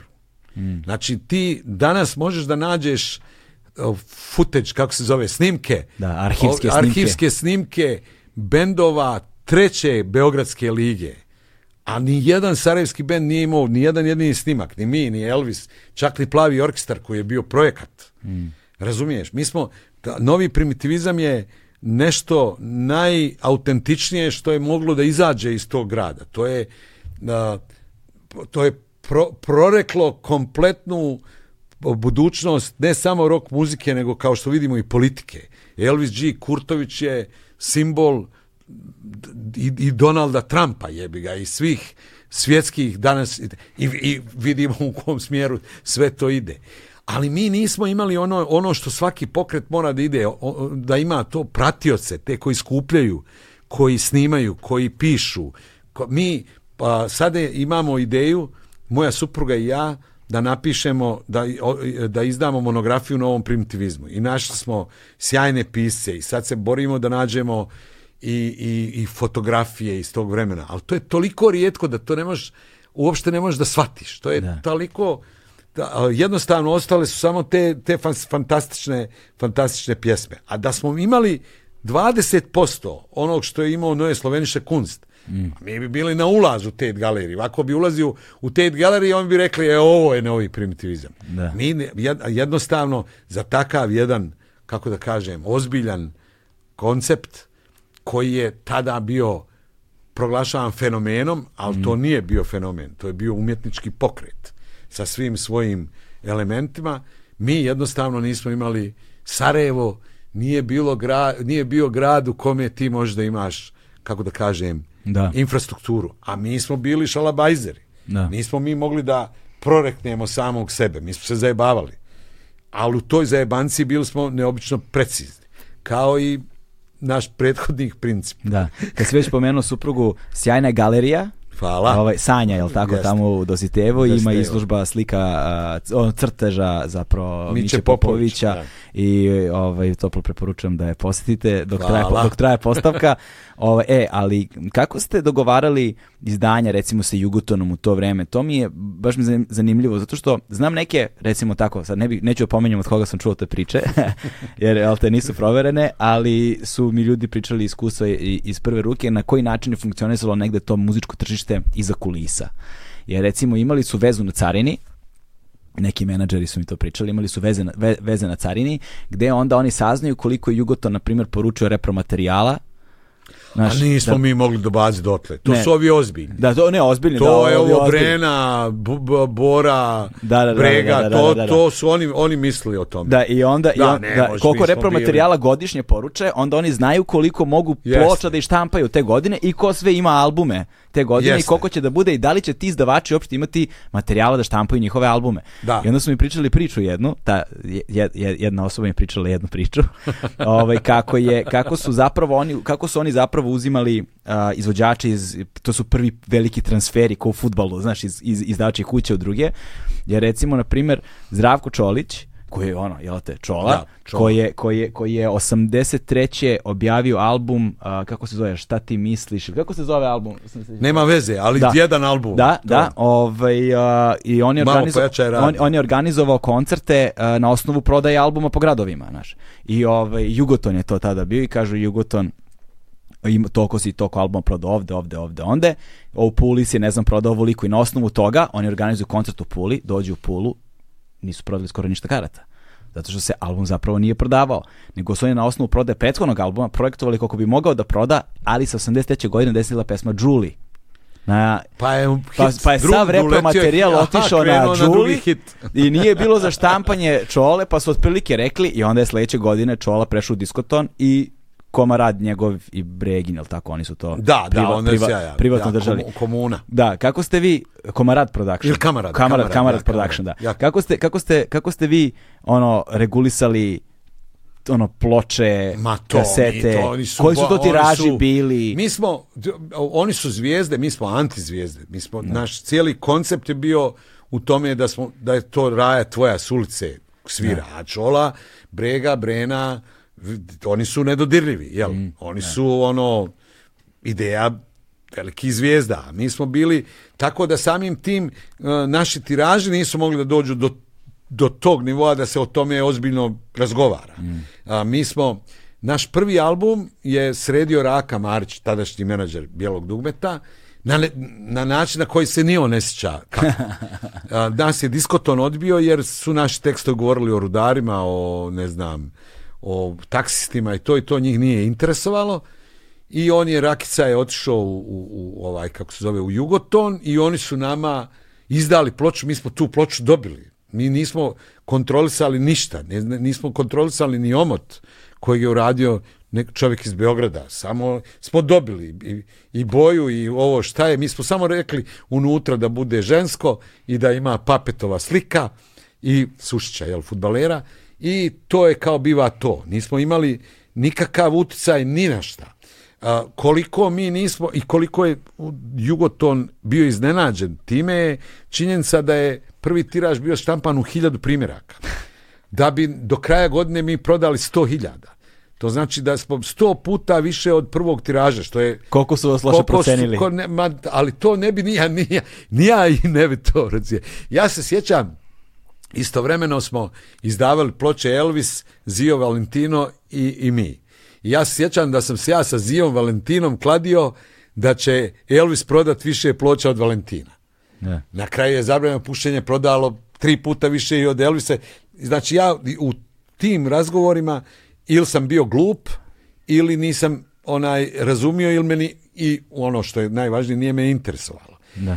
A, kad smo mi počeli o tome da mislimo kad, je- kad krene panika pa se, pa se 89. onaj posljednji album a, male priče o velikoj ljubavi morao oštampat što ranije da bi ušli u, u ovu pa smo onda napravili omot na kome nismo stavili pola izvođača, nema da je Brega svirao, nema da je Dejo Sparavalo svirao, nema da je Sonja Milenković pjevala, nego smo mi šta je bilo to jutro, štampaj, udri, samo da budeš, jer šta je bilo, idući mjesec ulazi Brena u studio, znači sve što imate plakata i što imate Nema više. granulata, i to više ne postoji. Da, pa to, to, to su mi fascinantne I to je, informacije. Jeste, da. da, I uh, jedino što je bilo zaista uh, što, što je nije što gdje ti majors, ti veliki, velika imena jugoslovenske popularne muzike nisu uticali, to je na publiku na prodane ulaznice. Bilo je zaista svejedno da li ćete vi svirat dan iza Brene u Beogradu. Jer ti ljudi koji dolaze Brenu da gledaju rijetko kod njih ima da, da hoće da vidi zabranjeno pušenje, a čak i da ima, ima pare i za jedno i za drugo. Da, Nije da. bilo to toliko skupo. Ali ovo je bilo opasno, ovo granulat i to, samo mi se time nismo bavili. Plavi orkestari, recimo, oni su sa Malcolmom, Malcolm im je bio menadžer za prvu Mhm. ovu, oni su to do tančina uradili i na kraju su onaj prodali 700-800 hiljada primjeraka, oni su ono pretekli čolu te godine, ne znam već koga, bilo su najpopularniji, ali su imali suadu, imali su hit. Da. I taj hit je E, otvorio sva vrata. hita, kako znaš da imaš hit? Nikako. Pošto moraš To da ga svi imaš... dođu, kažu ovo će ti biti hit. Pa Zenica Blues nije trebala da bude na ploči. I možda je bilo, možda bi za band bilo bolje da nije bila. Ne bi bilo afere Crko Maršal, Da. mi bi bili ozbiljan alternativni garažni bend. Folk rock. Otkud znam. Znaš, ona, on, mi smo bi imali svađu u bendu. Ja sam bio onaj, ipak da se stavi, a ne znam, Muče je bio protiv, Seve je napisao pjesmu, pa je logično da on to gurne i ta pjesma je promijenila život svima nama. I sljedeći takav jedan hit je bio Vukota. Da. E to je, Vukota je recimo, i to niko nije znao da će biti hit, mislim. Radili smo sa punom sviješću da bude hit, Da. ali hit da ima tekst koji traje sto godina, to je već teško. To je jedini veliki jugoslovenski hit, u kafanski hit koji se pjeva na svadbama, u kome je tekst ono nešto što niko ne može, nezvanični distributer Malbora. I to je, ja se sjećam kad je, kad je Vukota krenuo, uh, kad, se, kad je eksplodirao, 97 da gdje god uđem u kafanu, cigani dođu i, i odmah mi sviraju vukotu i ja izvadim ključeve od auta, stavim na sto i kažem vaš je ako znate tekst od početka do kraja na pamet. I moja žena se ono, je, da li si ti normalan? Rekao, alo, nema šansi da zapamte, jer ne znam ga ja. Toliko traje, jel? I to je trajala, ta moja igra, igra sa, sa, sa kolegama muzičarima je trajala jedno godinu dana, a onda su me obavijestili da su čuli za to moje da dajem auto i da su svi naučili dobro Oh, je, tekst Vukote. I taj tekst Vukote je onda prenesen, odnosno muzika Vukote je prenesena u Bubomaru, u Emirov film uh, Crna mačka, beli mačor i to je bio hit za vani. I ta Bubamara je razbila svjetsko tržište. I to su dva hita s kojima ja baratam. I Da. treći hit kojeg sam u životu napravio je knjiga Fire on to Sarajevo. Da. E to je pravi hit. To je ono, napišeš nešto i sto ljudi kupi to da čita. Koliko si izdanja imao od toga? Pa jebote, ne znam. Da. 11, 12. E. Ne znam nije. Ovaj, ali zanimljivo je to da ti zapravo... A, a zamisli Čola, ima sva, svaka Da, mu je. Sva, ne, njemu su, on ima sve hitove. ja, da. svaka mu je. Samo dobro, on se bavi tim, njemu je to važno, njemu je A1 najvažnije, a meni je najvažnije B4, jer tu govorim Da. o nekim anomalijama našeg društva ili nekim emocijama Jasno, koje jasno, jasno, jasno. rukovodi ljudski rod. Ovaj, ali zanimljivo je kako si ti uspeo zapravo da pronađeš taj svoj glas, jer taj glas kojeg čujemo na Sabahu, koji čujemo i posle, naš, na ove me, me- veliki, pri- male priče o velikoj ljubavi ili kada čujemo i na, naš, ali i čujemo ga i na Valteru, jel te takođe, već ga, ve- ti, ti si već formiran u velikoj meri kao, kao, kao vokal, ti si već formiran kao frontman, ti si prilično prilično si konzistentan od prvog pa- na, od prvog albuma pa nadalje. Do, dešavali su se Pa, kako, skokovi. su tu stvari. Ali izvini, Aha, samo sam htio da kažem, ali zanima me taj period između, recimo u knjizi se nisi bavio time, a ja sam očekivao da ću to da. vidim. Nisi se bavio time kako iz jednog domaćinstva u kojem se ne sluša muzika, u kojem otac peva samo Mišu Kovača kad igra šah, jel te? Jeste, jeste. Znaš to? I kad da, vozi auto. I kad vozi auto i da ti samo Tad tu je pesmu... Tomu pjevao. Da je to, e, i ti samo tu pesmu a, prsten na ruci, ili kako se već zove, A na tvojoj ruci prsten. na tvojoj ruci prsten, jel te? Dakle, Miša, U tvome oku suze. Dakle, kako jedan klinac koji kada ga mama odvede u, u muzičku školu da svira klavir i nosi one mučene note i ne želi tu da bude i jedina pesma koju zna je Mišo Kovač, dođe do Valtera. Znaš kako taj razvojni put tebe kao Pa to je frontmana, 4-5 godina, to je kao kad zasadiš ali, lozu. ali 4-5 godina je mali period. Nije, nije, nije, nije. Znaš, to ti je za- za- 30, 40% nečijeg života u tim godinama. Da. Znaš, to ti između, između, sad ću ti reći, devete i 13. šest godina. Da. Eto. To je kao kad zasiješ s- lozu. I Kako, sad je ona kako, kako, mala, kako mala, onda... kako izgleda tvoj razvojni put kao vokala, tvoj, tvoj pokušaj, nisam ja vežbe, nikad ni- probe? ne, ne, ni- Jesi ti ne. odmah zvučao tako? Ne, pa jesam. Ja, zato što je priča bila glavna. Jel, ja nisam trebao da pjevam, ja sam svirao klavijature u prvom bendu. Pjevali su ovi što znaju da pjevaju. Da. Ja bio streljan. Kako se zvao ne prvi band? Pa malo sam sa Rizom, to je da li je znak sreće, pa su oni mene zvali da ja budem Rizo iz Elvisa. On je bio vokal. Ali su me izbacili, ja nisam znao, nisam znao, to je bio recimo šesti osnovne, nisam znao u čemu je problem. Oni krenu da sviraju, recimo tad je bilo jako popularna pjesma o grupe Smak, a, Satelit. I sad sam ja trebao da odsvinam onu, ono, pa da, da, da, da, da, da, da, da, da, da, da. Ma nema teorije. Znaš, pa onda kontam, aha, ovo su samo crne tipke. Pošto je onako malo, ko kad će doći dan da krene u Japan. I onda sam bio izbačen i onda sam sa Sejom i, Ili i- Mandić, pitaju me, pitaju, tako to su samo crne. Ma nemam Ne, pojma, da, ja, to, to je kao ta petotonska otprilike. Ma, Da. To je naše viđenje kako to treba da zvuči. Nije to baš tako.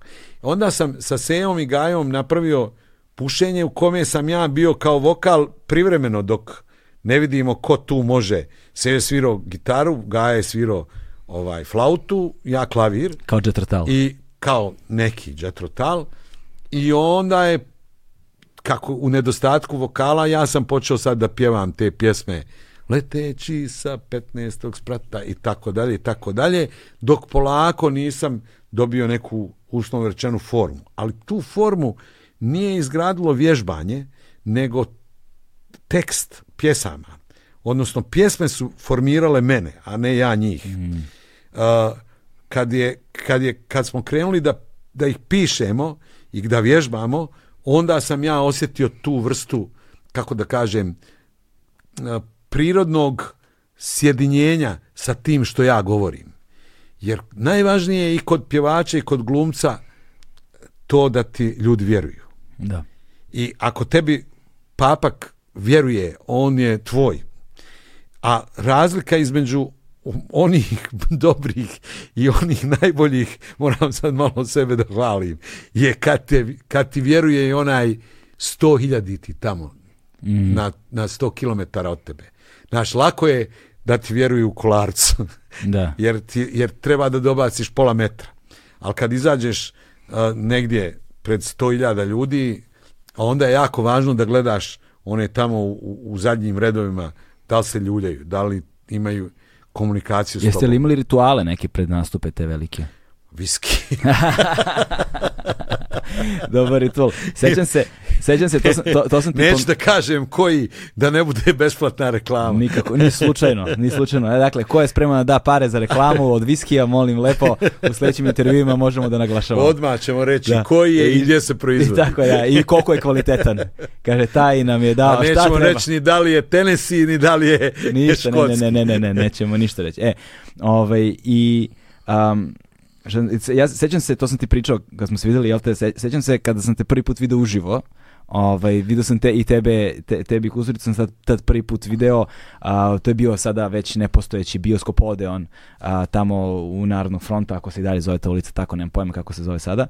Ovaj, I bila je tada novinarska projekcija dokumentarnog filma Super 8 Stories, je tako? Jeste, da, da, jeste. da, to sa vaše turneje, čini mi se, Latinska Jest, naše, Amerika. naše prve, Prve. prve. čak tu nema Latinske Amerike, tu, je, tu su snimci svi iz Francuske. Iz Francuske, aha, aha, e, da, ali posle je bila nešto Argentina. Ne, a to je kasnije, Kasnije, smo, kasnije, ja, ja. da. Ovo je bio, Ovaj- ovi su bili začeci. Da, i sećam se, da, ne sećam se filma, budem iskren, mislim imao 20 godina tome kako, kako, kako se to, de, sam to gledao, ali se sećam jednog vrlo specifičnog trenutka koji mi je bio fascinantan uh, potez u, u, u dokumentarizmu, jeste kako ono svirka koncerta, ali zapravo je nahovano a, razgovor a, basiste pop, je tako? A, glave, Da, da, glave, to, glave, glave. Kada, kada je... Kad mu ispalo rame. kad mu ispalo rame dok je nam nešto To je bilo pojačalo. u Berlinu, da, da, u. Volkswageneu. To je baš bilo alarmantno. Njemu je, zbog njegove krhke gla, građe, visoka mršav, njemu je lopatica ramena izlazila lijevo desno i onda je jedino što je moglo da ga spase to je da se nagne da se nagne preko neke poluge i da ga izvučemo da mu cijelu ruku povučemo. I to je onako bilo baš dramatično a i interesantno je to je bila 2000 godina ili čak 99 99 Da. E, to je naš prvi nastup u, u Berlinu od 15 koliko smo bili poslije.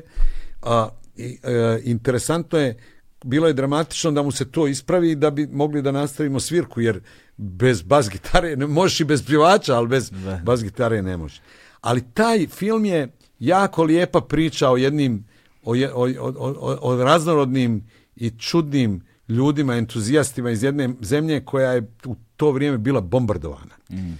I kako ih je muzika skupila i kako tu muziku oni sad predstavljaju u svijetu i kako sve ono što je trebalo da bude njihov hendikep, između ostalog i činjenica da im je zemlja bombardovana, odjednom to postala njihova prednost. Da. Jer ti kad dolaziš na zapad iz Srbije 99. godine, ti činjenicu da si anatemisan, a danas vidimo kako oni znaju da anatemišu ozbiljno i surovo, i tad smo vidjeli, jel, kako znaju da anatemišu, ti kad si anatemisan, ako si umiješ da, prvo, ako umiješ da okreneš stvari za 360 stepeni, to će te postat, to će postat tvoja velika prednost. I onda se između ostalog na našim koncertima počeli skupljati ljudi da vide kako izgledaju ti kojima je slobo nad glavom, koji vrše vake nake zločine vamo tamo, ali ti ih iznenadiš. Prvo ih iznenadiš elokventnošću, svirkom, muzikom, tempom, ritmom, šalom, doskočicom i naravno hitom. I bez hita nema. Naša, naravno, glavna uzdanica bila je činjenica da je Emir već bio izuzetno poznat režiser, jel? Da. I to nam je bio kao prvi, kako da kažem, uh, ključ kojim smo, kojim smo Mm. ot- otvarali vrata. On nam je glavni taj, kako se kaže, zaštitni znak. I tako se i zvao bend. Emir Kusturica i No Smoking Orchestra. Ali uh, nije to dovoljno. Da, da. Znaš, ni, i Woody Allen je imao bend, pa nije, nije bilo, i poznatiji od Kusturice, pa nije bilo dovoljno. Mi smo u jednom trenutku, a, to je bila recimo 2005. 6. To je taj, to vrijeme što svi kažu Latinska Amerika. Bio je cijeli svijet, ali je iz Latinske Amerike došao taj snimak koncerta u Buenos Airesu. Da, Buenos Aires. Mi smo u tom momentu bili bend koji je pravio, mogao da napravi najveći haos od svih bendova na svijetu do nekih 5-6 hiljada ljudi. Znači, da ste nastavio sa Stonesima u salu do 5-6 hiljada ljudi, mi ćemo napraviti veći haos od njih. Iznad 5-6 hiljada već moraš da ti znaju pjesme, da znaju da, Da. režu vene kad ti vide ime, mislim. Da, da. Iznad toga. I sjećam se da je recimo par puta nam se to dogodilo. Recimo svirali smo u u Nici na jazz festivalu iza nas je svirao uh, Van Morrison. On je izgledao poslije nas ko sahrana. Majke mi. I to, a to su oni bili krivi. Uh, organizatori koji su, koji su čak smo imali konflikt oko toga jer bi bilo potpuno suludo da poslije naše energije Nica je prostor koji tako ima jedno 4-5 hiljada ljudi može da stane taj taj venju, ta, ta Da. pozornica. I on je nastupao poslije nas. To je bilo znaš, st- strahota Božja. Pola raja je otišlo, jer ovi su razbili, a ovaj je krenuo sa jedna spora, jedna brza. Što na 100.000 ljudi to se ne bi primijetilo, jer među 100.000 ljudi ima 99% onih koji znaju sve njegove pjesme Da, da, da, da. da. Onda nam se recimo desilo sa Stramerom, ono što ima u filmu, isto, i Stramer je svirao iza nas, sa ovim svojim ma maskaleros, kako se zvali. Isto je bilo na taj broj ljudi s nama je bolje nas i recimo takvu grešku nisu bili napravili u Renu i u Renu su uh, stavili Public Enemy prije nas. Mhm. Da, da, da. Public Enemy je ozbiljan band. Da, da, da, da, I tako da u to vrijeme to je izgledalo kao jedan neviđen anarhičan neviđena anarhična himna slobodi u kojoj deset ljudi na sceni pravi pičvajz, lom i neodoljivi su i šarmom i energijom, a sviraju nenormalno dobro. To da je, kad neko gleda, misli da je svaki ovaj korak bio neka vrsta improvizacije. Ali neć vjerovat, mi smo svaki detalj imali izvajan do posljednje tačke. Mi smo bili na, radili po sistemu Broadwayskog šova. Tačno se znalo, ako Emir ide na lijevu stranu pozornice, ja idem na desnu. Dejan ulazi u sredinu, basista ga pokriva s lijeve strane, kad gitarista ide naprijed, dvojica se skupljaju oko njega, a Emir i ja idemo na, na krajeve bine da gledamo ove sa strane da kupimo. To je bila, to je bio futbalski klub Barcelona u, u onom zlatom izdanju, sa, sa Čavijem i Iniestom. I to je trajalo, jel, do 2011. kad sam ja, kad više nisam mogao. Da, za Barcelonu ću ti verovati na reč. Jesi raspoložen da probaš rakicu? Hoće li mi ljudi uzeti auto? Pa neće ti A? uzeti, neće ti uzeti auto. U, evo je. moram ići. Ajde, jedna brzinska. Ajde, jedna brzinska. Jedna brzinska, ali da, a- da Ja se sam- pokopljamo. Tako, tako, ja sam to spremio. Ja sam to spremio da se proba, mora a da se reci proba. mi, onaj, moraš mi otkri- Zakomka. otkrit podrijetlo. Podrijetlo, dakle, ovo ti je selo Zakomo, u blizini Rogatice. Ajoj. Ovaj, Moja raja, znači. tako je, tvoja raja. Samo sekund, evo ga. Izvoli. Tako. Ajde. Marko. Šta je? Nado, Hoćete vi, a? Hoćete po rakicu, ajde. Šta sad, Misliš Bože da će onaj... Sad kad me opali. To, to, to, ne, jedna, neće od jedne. Smijem ja prvo vodom gast. Slobodno, evo ovdje, ostali smo, evo tamo. Šta je ovo, kruška, jel? A, e, ne znam šta je ova, A bilja ili lo, da, da, sad ćemo im, evo ga, samo sekund, evo ga, ajde uzmite. Hajde, živio ti meni Ajde, uzdravlje. sto, sto ovih emisija, i- dže- iduće go- ove Pa vodne, ovo, dogodne. ovo mi je već, ja mislim, blizu 130. A Znaš? jel, onda još 200. Da, daj Nedi rakicu, ej. Neka, neka, neka. Nema, živla ne da. Ajde, ovaj, z- znam da i ti praviš rakicu. To je Ovo je zakomka, To je kako ta- se ova zove? nadrealno. Nadrealka. Pa ja sam kupio na Kosmaju Da. kuću prije, to je 99. 2000. Mhm. Kad je kad je Vukota postao hit. Stigla lova od tantijema. Pa to je najmanja, ta, Da, da, to da. tek, to nikad nije dole. I onda smo, on- onda sam, kako, kako se to kaže, imao, ovaj, ostalo mi je u kući, zajedno sa kućom je ostao kazan. Ja nisam znao šta ću s tim, bio sam onako, kako da kažem, zbunjen, jer ne znam šta da radim s tim. I onda su mi seljaci okolo rekli kako šta ćeš, pa pečeš rakiju. I pošto je plac relativno velik, Da. mi smo, ja sam počeo ono polako da skupljam i sjećam se prva je bila Kajsija i naravno kao i u slučaju Hendriksa i ACDC nikad bolju rakiju od te prve nisam napravio. Da, da, da, da, da. Tako da se vraćamo na početak Pa naše dobro, priče. polako, polako. Ovaj, samo sam još jednu stvar htjela da te pitam, uh, za kraj zanima me strašno. Um, jedna od stvari koja je sudbina mnogih um, muzičara koji su postali e, toliko poznati veoma rano u svom životu, dakle u mladosti, praktično ti si, nisi imao ni 20 godina kad si ti post- bio Pa jugoslovenska... 21 godina. Pa ja. to, znaš, to pra- praktično dete. Ali misliš da imaš 100, znaš, Pa da, zavisi to. ja sam mislio da sam prepametan. Da, kako, kako danas posmatraš tu slavu sa ovolikim vremenskim otklonom? Kako posmatraš to da si ti zapravo bio veoma rizična grupa? Mogao si načisto da poludiš ako nisi, znaš. Nisam mogao, zato što je moj unutrašnji mehanizam kao, moj, moj du- duhovni, kako da kažem, uh, duhovni uh, sklop nije sklon zvijezdama. Ja, zato ja stalno govorim, mi smo bili antizvijezde. Mi smo imali, kako da kažem, tu sreću ili nesreću da imamo Zenicu blues i da se dogodi toplista nadralista. I onda je od toga to napravilo zaista veliki pičvajz. Ja sam imao mnoge neprijatnosti zbog toga. Yes. Ono, pisma, ovako, onako, prijetnje. Policija je dolazila. svako malo na vrata. Nek- neka djevojka je pobjegla. Neki čovjek hoće da me ubije. Neki, mislim, to je bilo ludilo. Ali uh, naša, kako da kažem, uh, to od čega sam ja sazdan nije vezano za taj. Tako da meni, ja sam samom svojom pojavom i samom svojom reakcijom na tu popularnost koja je bila od prvog dana nesporna, radio kontra toga. Da. I nije mi nikad bio problem i da uđem u mrasu, da su pijac, svi me znaju, hodam, razgovaram.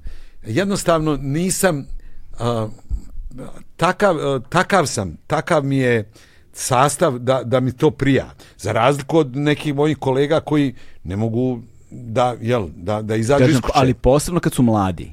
To je vrlo specifična još, da, period. da, Znači, da. Posebno Ja, kada da, mlad postaneš da. toliko A poznat. Bilo je stra, bilo je, ja se sjećam, ono, loša je bježao od, od, od, od, od djevojaka. Sakrivo se po haustorima, mislim, to je bilo zaista histerija. Mi, ni, mi nismo, mi smo uvijek imali onaj u backstage umjesto, do- umjesto lijepih djevojaka kao što su imali plavi orkestar ili bajaga, mi smo uvijek imali tako tetovirane kod tih I viskija. Uvijek smo da, uvijek smo bili onaj, kako se kaže, uvijek smo bili neka neki, neka ispovjeda, naša slačionica je uvijek bila neka vrsta ispovjedaonice. Uvijek je došao neko pa rekao, evo ja sam odrobio, ali vjeruj mi nisam joj ništa radio i to. Ali meni, eh, ja nisam, meni je, eh, ja nisam onaj od onih koji voli da svira. Eh, Nikad nisam bio neko ko trči na turneju. I, I uvijek sam gledao da broj koncerata po godini ili po turneji smanjim na onu neku mjeru koju ja mogu da izdržim. Ja imam čak teoriju da moje kolege koje na sceni ostaju po tri, tri i po sata svirke da boluju od određene vrste depresije. I da im je to neki tretman. Da. A, ovi moje kolege koje prave po 150, 200, 300 koncerata godišnje, oni jednostavno, ja, ja nisam... Oni žive ja, na bini. Da, Oni žive da, na oni, ja ne mogu to, ja to nikad nisam mogao da shvatim. Meni je, kad se otkaže koncert, praznik u kući. Meni je bilo kao nema škole, kao super. Meni je koncert, jer koncert te veže samo onaj, o lijepo ti je samo tih sat i po dva na stage I prije i poslije je neko odrađivanje tog nekog svijeta koji nije toliko imanentan meni.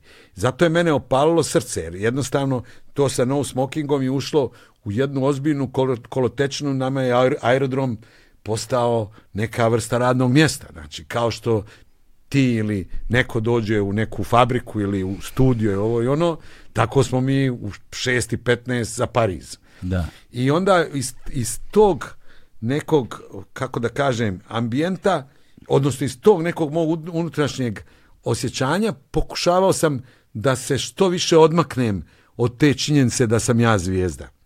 I ne, ja mislim da sam uspio. Imao sam samo jedan infarkt. Što, što, I kako što ti- je dobro. kako Ali ti recimo danas? najljepše, super, super. Najljepši period ipak mi je bio sa Kustom e, i sa No Smokingom, ne samo zato što smo mi jel, gargali po cijelom svijetu, nego između ostalog i zbog toga što sam imao barem medijski jednog saradnika ili člana benda koji je bio istaknutiji od mene. Da, poznati. Tako da je taj broj intervjua bio znatno manji, naše pojavljivanje u medijima, zajednička slikanja, za sve ono što mrzim, to je sve bilo malo onako sklonjeno sa strane. Ja sam bio sa strane i uvijek sam onaj zavidio najviše, na primjer, grupi Pink Floyd. Jer oni su nekog čije, čija lica nis, ne pune naslovne strane Times magazina, a pune stadione. Da. E, taj balans mi je, mi je najdraži. Sjećam se, mi smo zajedno U Meksiku? da, da, u Meksiku, to je zaista neverovatno.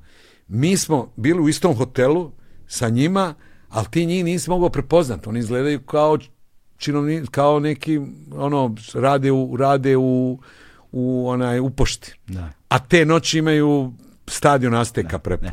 E, još jedna stvar, samo obećavam i završavamo.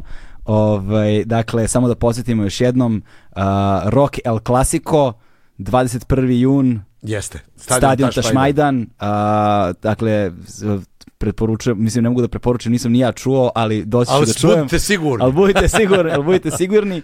Ovaj, ako poznate Neleta i Stefana, ne sumnjam da će to biti dobro.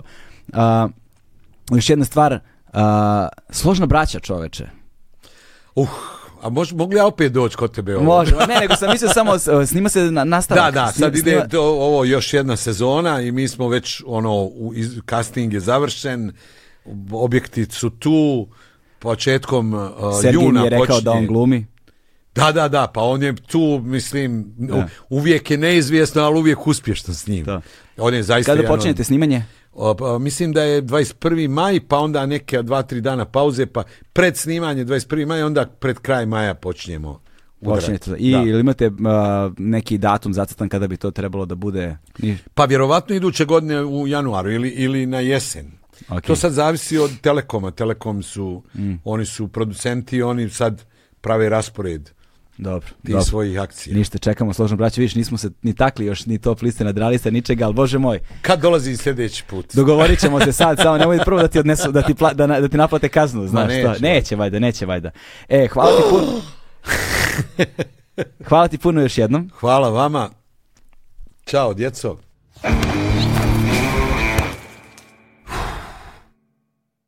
Hmm.